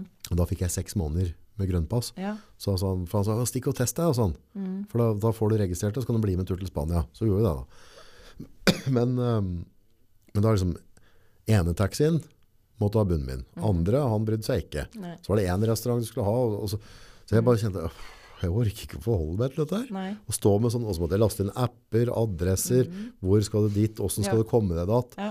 Det var en egen sånn, så jeg, så jeg bare kjente sånn her, jeg har ikke gudde reist noe sted etter det. Nei. Jeg kjente at jeg orker ikke dette her. Men nå hørte jeg noen rykter om at det var, var det noe nedstengning igjen? Er det noe igjen? Ja, for det har, nå har de jo uh, Vet ikke, eller om det var tanker rundt det. Jeg lurer på om det var Kina. Det kom en ny bølge. Ok. Mm.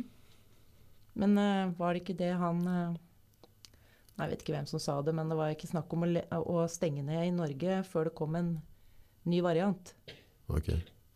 Mm, Siste jeg leste. Da tror jeg mange kommer til å si stopp. Ja, det tror jeg òg. Ja. Mm. Så det, er- og bruken av, av makt og politi. Så jeg har jo hatt han Simen der inne, en politimann fra Oslo. Mm. Og han sa at jeg ble politi for å, for å fange bankrøvere. Ja. Ikke for å, å terrorisere pensjonister som sitter på kafeteria. ikke sant. Han orka ikke dette der. Nei, nei, nei. Nei. Han droppa og tok ikke vaksine eller noen ting. nei. Så han, han sa dette er bare tull, hele opplegget. Og jeg, det var ikke derfor det var ikke derfor jeg gikk på politiskolen. Nei, Nei. ikke sant. Men samtidig så ser det ut som noen har hatt suksess gjennom den pandemien òg, da. I hvert fall det å komme ut på nett og lage seg jeg, jeg er litt lei det, da, må jeg Ja. si. Men det er jo liksom ikke grenser for sånne webinarer og kurs Ja, ja, du kan ta og melde deg på, ikke sant?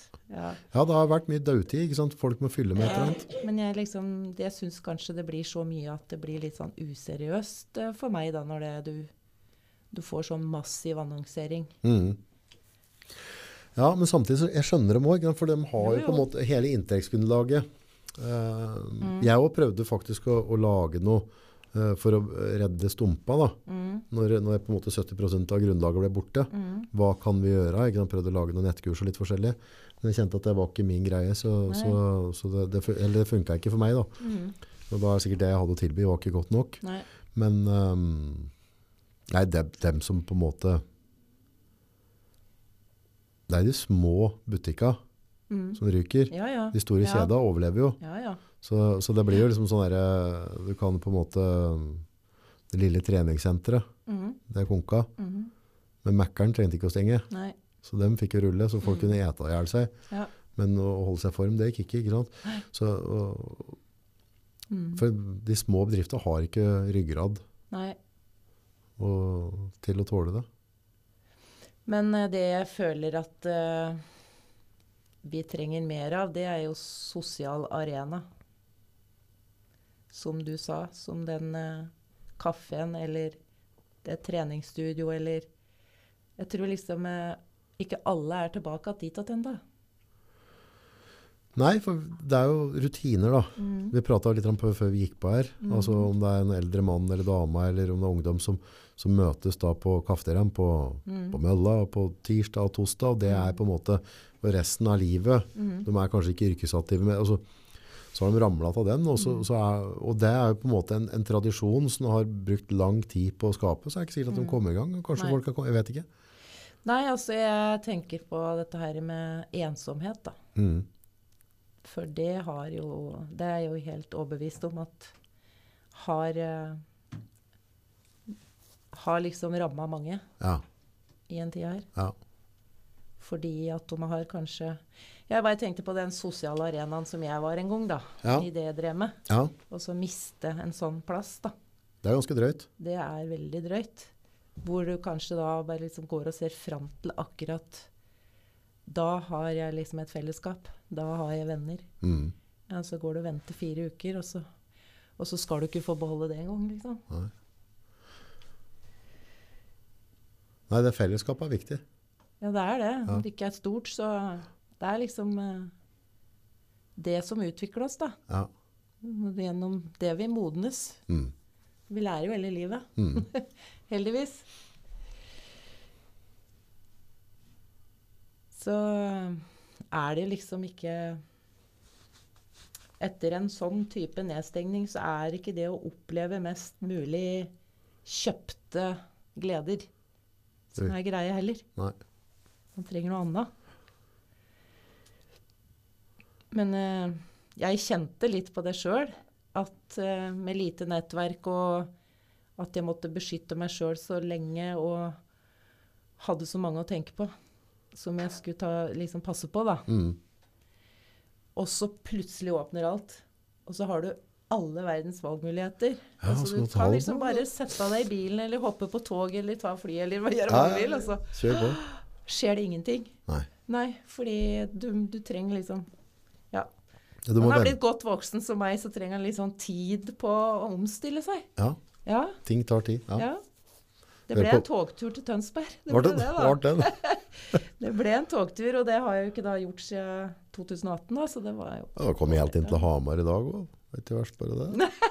Jeg tenkte på det når jeg gikk eh, på torget her. Jeg har jo bodd i Hamar og har et forhold til Hamar. Men jeg er veldig lite i Hamar. Ja. Ja. Ja, det, blir jo, ja, det, det er kjøpesentra nå. Da. Det er, altså, torglivet det er litt mer borte. Det er jo ikke det samme. Så, ikke. Jeg tror unga, de yngre syns kjøpesenteret er fint. Da Da har Ja, de alt på ei flate. Så jeg tror de trives. Mm. De har mye sosial omgang der. Ja. Nei, jeg er litt sånn uh, gjenbruksdame, jeg. Ja. Så jeg er ikke så mye Er på loppis. Yes. Så bra. Det er moro. vet du. Lete etter skatter. Ja, ja. Ja. Det jo Ja, ja, altså jeg Jeg har vel snart ikke noe egenkjøpte ting i huset mitt, tror jeg. Jeg har stort sett vært på loppis. Ja. Det er gøy da, å lete Ja, etter jeg skatter. syns det. Og det er liksom, som jeg sier, vi har nok. Ja. Så hvis det er noe andre ikke trenger, så kan det hende jeg vil ha det. Ja, Så bra. I stedet for å kjøpe nytt. Ja, det er bare tull. Det er bare tull å kjøpe Ja, det nytt. bruker jeg lite penger på. Ja. Men jeg det syns jeg er spennende. Og så er det liksom det Mora mi er ferdig på loppis og koser seg fælt med det. Bare kjøpte meg en sånn eh, krans som skal dekorere utafor døra mi til jul, og det er liksom sånn Oi, den ga jeg jo bare 20 kroner for, i stedet for å gå på en blomsterbutikk og gi 150, da. Ja, det er stor Så forskjell. jeg tenker alltid sånn. Ja. Nå har jeg spart så mye. Mm. Nå har jeg spart så mye. Mm. Ja. Ja, hvorfor ikke? Ja. Det tror jeg har blitt, eh, og spesielt nå med strømregninger og alt som går opp, jeg tror veldig mange familier nå Ja. har blitt mer fokus på brukte ski, brukte uteklær. Ja. For det med unga, òg, du kjøpe en sånn bobledress til unga som koster all hverdag, hver dag. Det er jo bare helt galskap. Man bruker den i seks måneder, så er det mm. ferdig. Men hadde ikke du ei på besøk hos deg som hadde en sånn side som du kunne abonnere på, som heter Lommeboka? Ei som Ja, var så, var så god på økonomi. Hun burde jeg huske navnet på da. Ja, jeg husker ikke. Nei, uh, Men i hvert fall så var det liksom litt sånn artig, for hun bekrefta egentlig veldig mye av sin tankegang. Ja. Er jo lik min, Ja. men jeg har jo liksom aldri tenkt at jeg kan lære noen andre om det. Nei, nei, nei. det er jo egen bok, det er å spare penger. Ja, Jeg skal se om jeg finner den, skal vi skrive, skrive det i, i teksten under her, hvis folk har lyst til å høre på den. ja, Hun, hun var en kul jente. ja. Ja. Det, mm. det tror jeg er et par år siden vi laget den, tror jeg. ja Det, det kan nok stemme. det var før, før den tida med, med Nesinger og sånt. Ja. Det er liksom sånn hva slags forhold du har til, eh, til penger, da. Ja. Mm. Ja, ja, jeg lærte en, det er en del av de tinga hun nevnte på der, som jeg har tatt meg inn i hverdagen nå sjøl, Ja. og er mer nøye på. Mm. Absolutt. Ja. Så er det litt sånn hva slags eh, opp, Hva har du lært, liksom? Jeg vet jo at min far lærte jo det å skru av lyset i de rom du ikke var, og mm. ja, mm. litt sånn uh, nøktern på ting. mhm. Og det er jeg absolutt ikke lei meg for. Jeg har ikke noe plager med det, liksom. Det var vits med å ha lyset på der du ikke er. Da. Nei. Så det er sånne småting. Men jeg ble liksom kanskje litt mer sånn bevisst på det når jeg hørte på den podkasten. Ja, så begynte jeg liksom å gå inn i meg sjøl og tenke jøss, ja. Jeg er jo veldig enig med deg i det meste, liksom. Ja, men hun var litt kul og hadde noen kule greier. Ja, Ja. Det skal jeg ta, så, åh, nå ble jeg veldig lei meg at jeg ikke husker navnet hennes. Men det er så vanskelig. Det blir, Men tror jeg det- laget to. ja. lurer på om du er podcast nummer 205 eller Ja. 6 eller 7. Det er mange. Fordi jeg tenkte sånn at eh, vi drev og prata på hvorfor jeg ringte deg, ikke sant? For jeg Ja. hadde jo sett og hørt på masse av podkastene dine, og Ja. så var det liksom dette herre som jeg har gått og tenkt på etter at vi avtalte ti dag, at jeg, jeg husker jo ikke navn. Jeg er utrolig dårlig på navn. Vanskelig. Ja, Ja. så om jeg kan Jeg fikk jo med meg mye av han coacheren, eh, Henrik. Henrik, ja. Ja. Dette her eh, Han er lenge siden jeg pratet, han må ringe og høre åssen det er med. Det er lenge siden jeg prater med han. Nei, han hadde en del gode poeng. Henrik Johansson. Mm. Du, han skal jeg ringe i morgen og høre om noe. Det var bra at du nevnte han i dag. Ja. Ja, for han er lenge siden jeg pratet med ham. Nei, han sa noe For vi har jo snakka om det halvfulle, halvtomme glasset, ikke sant. Ja. Men han sa at det var fullt hele tida. Ja, Og så var det dette her vi Det heter ikke vi vi høster det vi sår, for vi høster mye mer enn hva vi sår. ja. Ikke sant? ja det gjør vi òg. Ja. Ja, for du legger bare ett korn, Yes. og så blir det til mange. yes. En potet blir til 18. Mm. Og da overfører jeg det til følelser igjen, da. Mm. Fordi vi høster ut fra de følelser, tanker og følelser, Mm. som styrer oss. Og så er det noe som er veldig spennende, da. Eh, hva er sannhet av de tankene du har? Der har vi Det er spennende, det. Ja. Ja, for vi er enten i fortid eller i framtid. ja. Og vi har 60 000-70 000 tanker, ja, noen mener det er mye mer, som går gjennom døgnet. da. Gjennom ett døgn, ikke et år. Nei, et døgn. det går fort.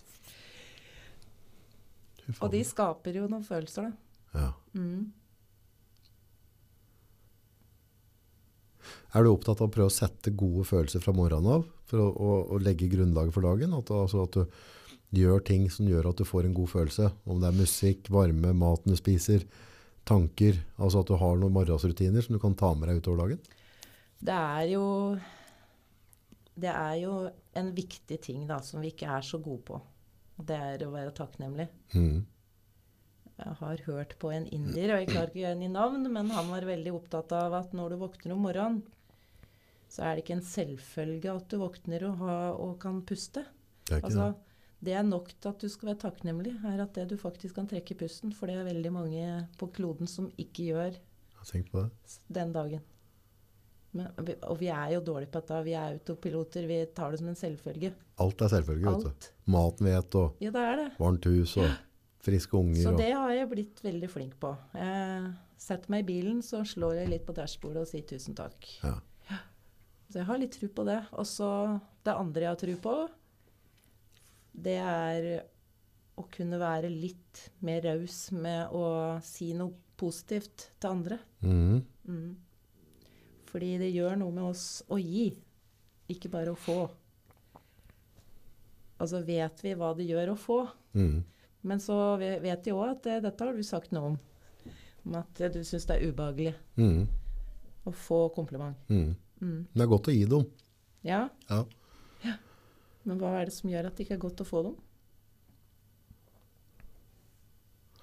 Nei, jeg, jeg tror det bunner i, i sjølfølelsen. Mm. At vi går rundt og ofte, og det tror jeg er veldig mange mer enn det vi tenker. Altså jeg, tror, jeg tror det er ganske gjengs, en Mm. menneskelig ting, Mm. Å ha et dårlig sjølbilde. Mm. Og, og hvis du sier noe som ikke stemmer med det selvbildet jeg har på en måte Mm. eh, laga meg, Mm. så, så krasjer det litt. Ja, Ja, det er for- det er, ikke, det er ikke sant det du sier, liksom. Ja, og så utfordrer det Mm. selvbildet mitt. da. Ja, Hvis du sier noe positivt, så utfordrer du ja, eh, en sannhet jeg har skapt. da. ja. Og det tror jeg vi alle har. Mm. Kanskje noen som er flinkere å ikke ha det, men jeg tror det er ganske vanlig. Det er vel ingen vi er mer slemme mot enn oss sjøl. Ja, det er helt klart. Ja. Er helt klart. Nå, nå, nå går det på tall og prosenter og sånn, men Ja, ja. sånn som hun Mel Gibbons, som jeg hører på nå, hun snakker jo veldig om dette her med, med selvkritikk. Mhm. Eh, at vi slår oss i huet. Så har hun to sånne teknikker som hun har funnet ut sjøl i, i en krise. Mhm. Og det var jo pandemien som var årsaken til den krisa. Mm. Det hadde en mann som startet en restaurant som eh, ikke gikk, og hun eh, ble uten jobb. Eh, så det, det, alt liksom bare datt i hopus, og hun, hun var helt sånn maktesløs, da. Men så Dette å komme seg til senga om morgenen ikke sant? og ha noen positiv følelse, det var jo bare sånn at hun hadde lyst til å grave seg ned under dyna ikke sant? og ville jo helst ikke møte dagen. Ja. Men eh, så visste hun jo at hun måtte. Det kunne jo ikke bare bli der, for det var jo ingen som kom og ryddet opp dette. Hun måtte jo, eh, hun måtte jo i aksjon sjøl. Så klart. Ja, hun måtte handle. Ja. Og så vet jeg ikke, men det, dat, det er i hvert fall så dukka det bare opp for henne, da. Hvis vi tenker raketten, da. Hva sier vi? Fem, fire, tre, to, én. Ja, hun, altså, men hun har hørt på. Ja, ja. Ja. hun er kul. Ja. Countdown. Så den brukte hun da, for Mm. å komme seg opp av senga. Og så var det, når jeg, når jeg så seg i speilene, alle de der negative frasene om hvor, hvor stygg hun var, og alt jeg ikke var fornøyd med, ikke sant. Mm. Og så har vi da det som heter high five. Mm. I hvilke settinger bruker vi det, og hva slags følelse gir det? Hun drar inn forskere alltid, at hun Mm. gjør det ganske dypt. Oss. Og skriver bøker om dette, disse her to verktøyene her. da. At du skal stå i speilet og gi deg sjøl high five. Og hun sa, var helt sjokkert over at og mange det er som ikke engang tør å møte sitt eget blikk i speilet. Mm. Mm. Tenk på det. Ja. Prate med seg sjøl på en Ja. positiv måte. Ja. Så vi eh, Mange har en jobb å gjøre der i forhold til å gi seg sjøl litt eh, selvkjærlighet. Fordi vi er jo veldig gode på det å rose unga våre og andre rundt oss. Men Mm. hvor gode er vi på å tørre å si det til oss sjøl? Ja, det er vanskelig. Det er en hel oppgave. Janteloven, den er sterk. Vet Det er brutalt. Brutalt. Så jeg vet ikke. Liksom eh, Man blir litt sånn beskjeden sjøl om man Jeg kan jo være ærlig med meg sjøl og si jeg vet jeg er god på ting, men jeg er veldig forsiktig med å si det høyt. Mm. Ja, for da er du faen meg høy på deg sjøl, hvis du sier det høyt. Ja, er- Det er jo ikke det. faen er det du tror det er for noe, liksom? Det er ikke det, vet Nei, det er ikke det. Nei. Nei, altså Er det noen du skal ha greie med, så er det deg sjøl, da. Ja. Ja. Det Ja. skal bare mangle, egentlig. Men, ja, altså men det er ikke så lett. Det blir samme som sukker og alt dette. Altså, det er fort gjort å ta de feil valga. Mm. Det ligger veldig lett for oss. Men hvis noen andre gjør den tabben, da, så er vi jo veldig gode på det at uh, vi kan støtte opp det, liksom. Altså Ja, ja. pytt, pytt. Men når det gjelder oss sjøl, da, så er det liksom ja, ja, da er det krise. Da er det Ja. hundrett ute. Ja, ja. Er, eh, nei, der har vi mye å jobbe med. Du, sånn på tampen, er det noe du kunne tenkt deg å si at folk som, kan, eh, som du ønsker at de kan ta med seg hjem igjen? Og gruble på? Nei, jeg tror jeg avslutter med det jeg sa egentlig litt i starten, med at uh, følelser uh, styrer læring. At uh, vi ja, kan gi litt mer oppmerksomhet til de, de følelsesspekteret vi har, på godt og vondt. Mm. Være litt mer opptatt av å akseptere de dårlige òg. Med å akseptere at de er der, i stedet for å flykte fra dem Mm. Som vi ofte gjør. Fordi vi har begge deler. Det skal vel være sånn. Ja, det er ikke lett å slippe unna det.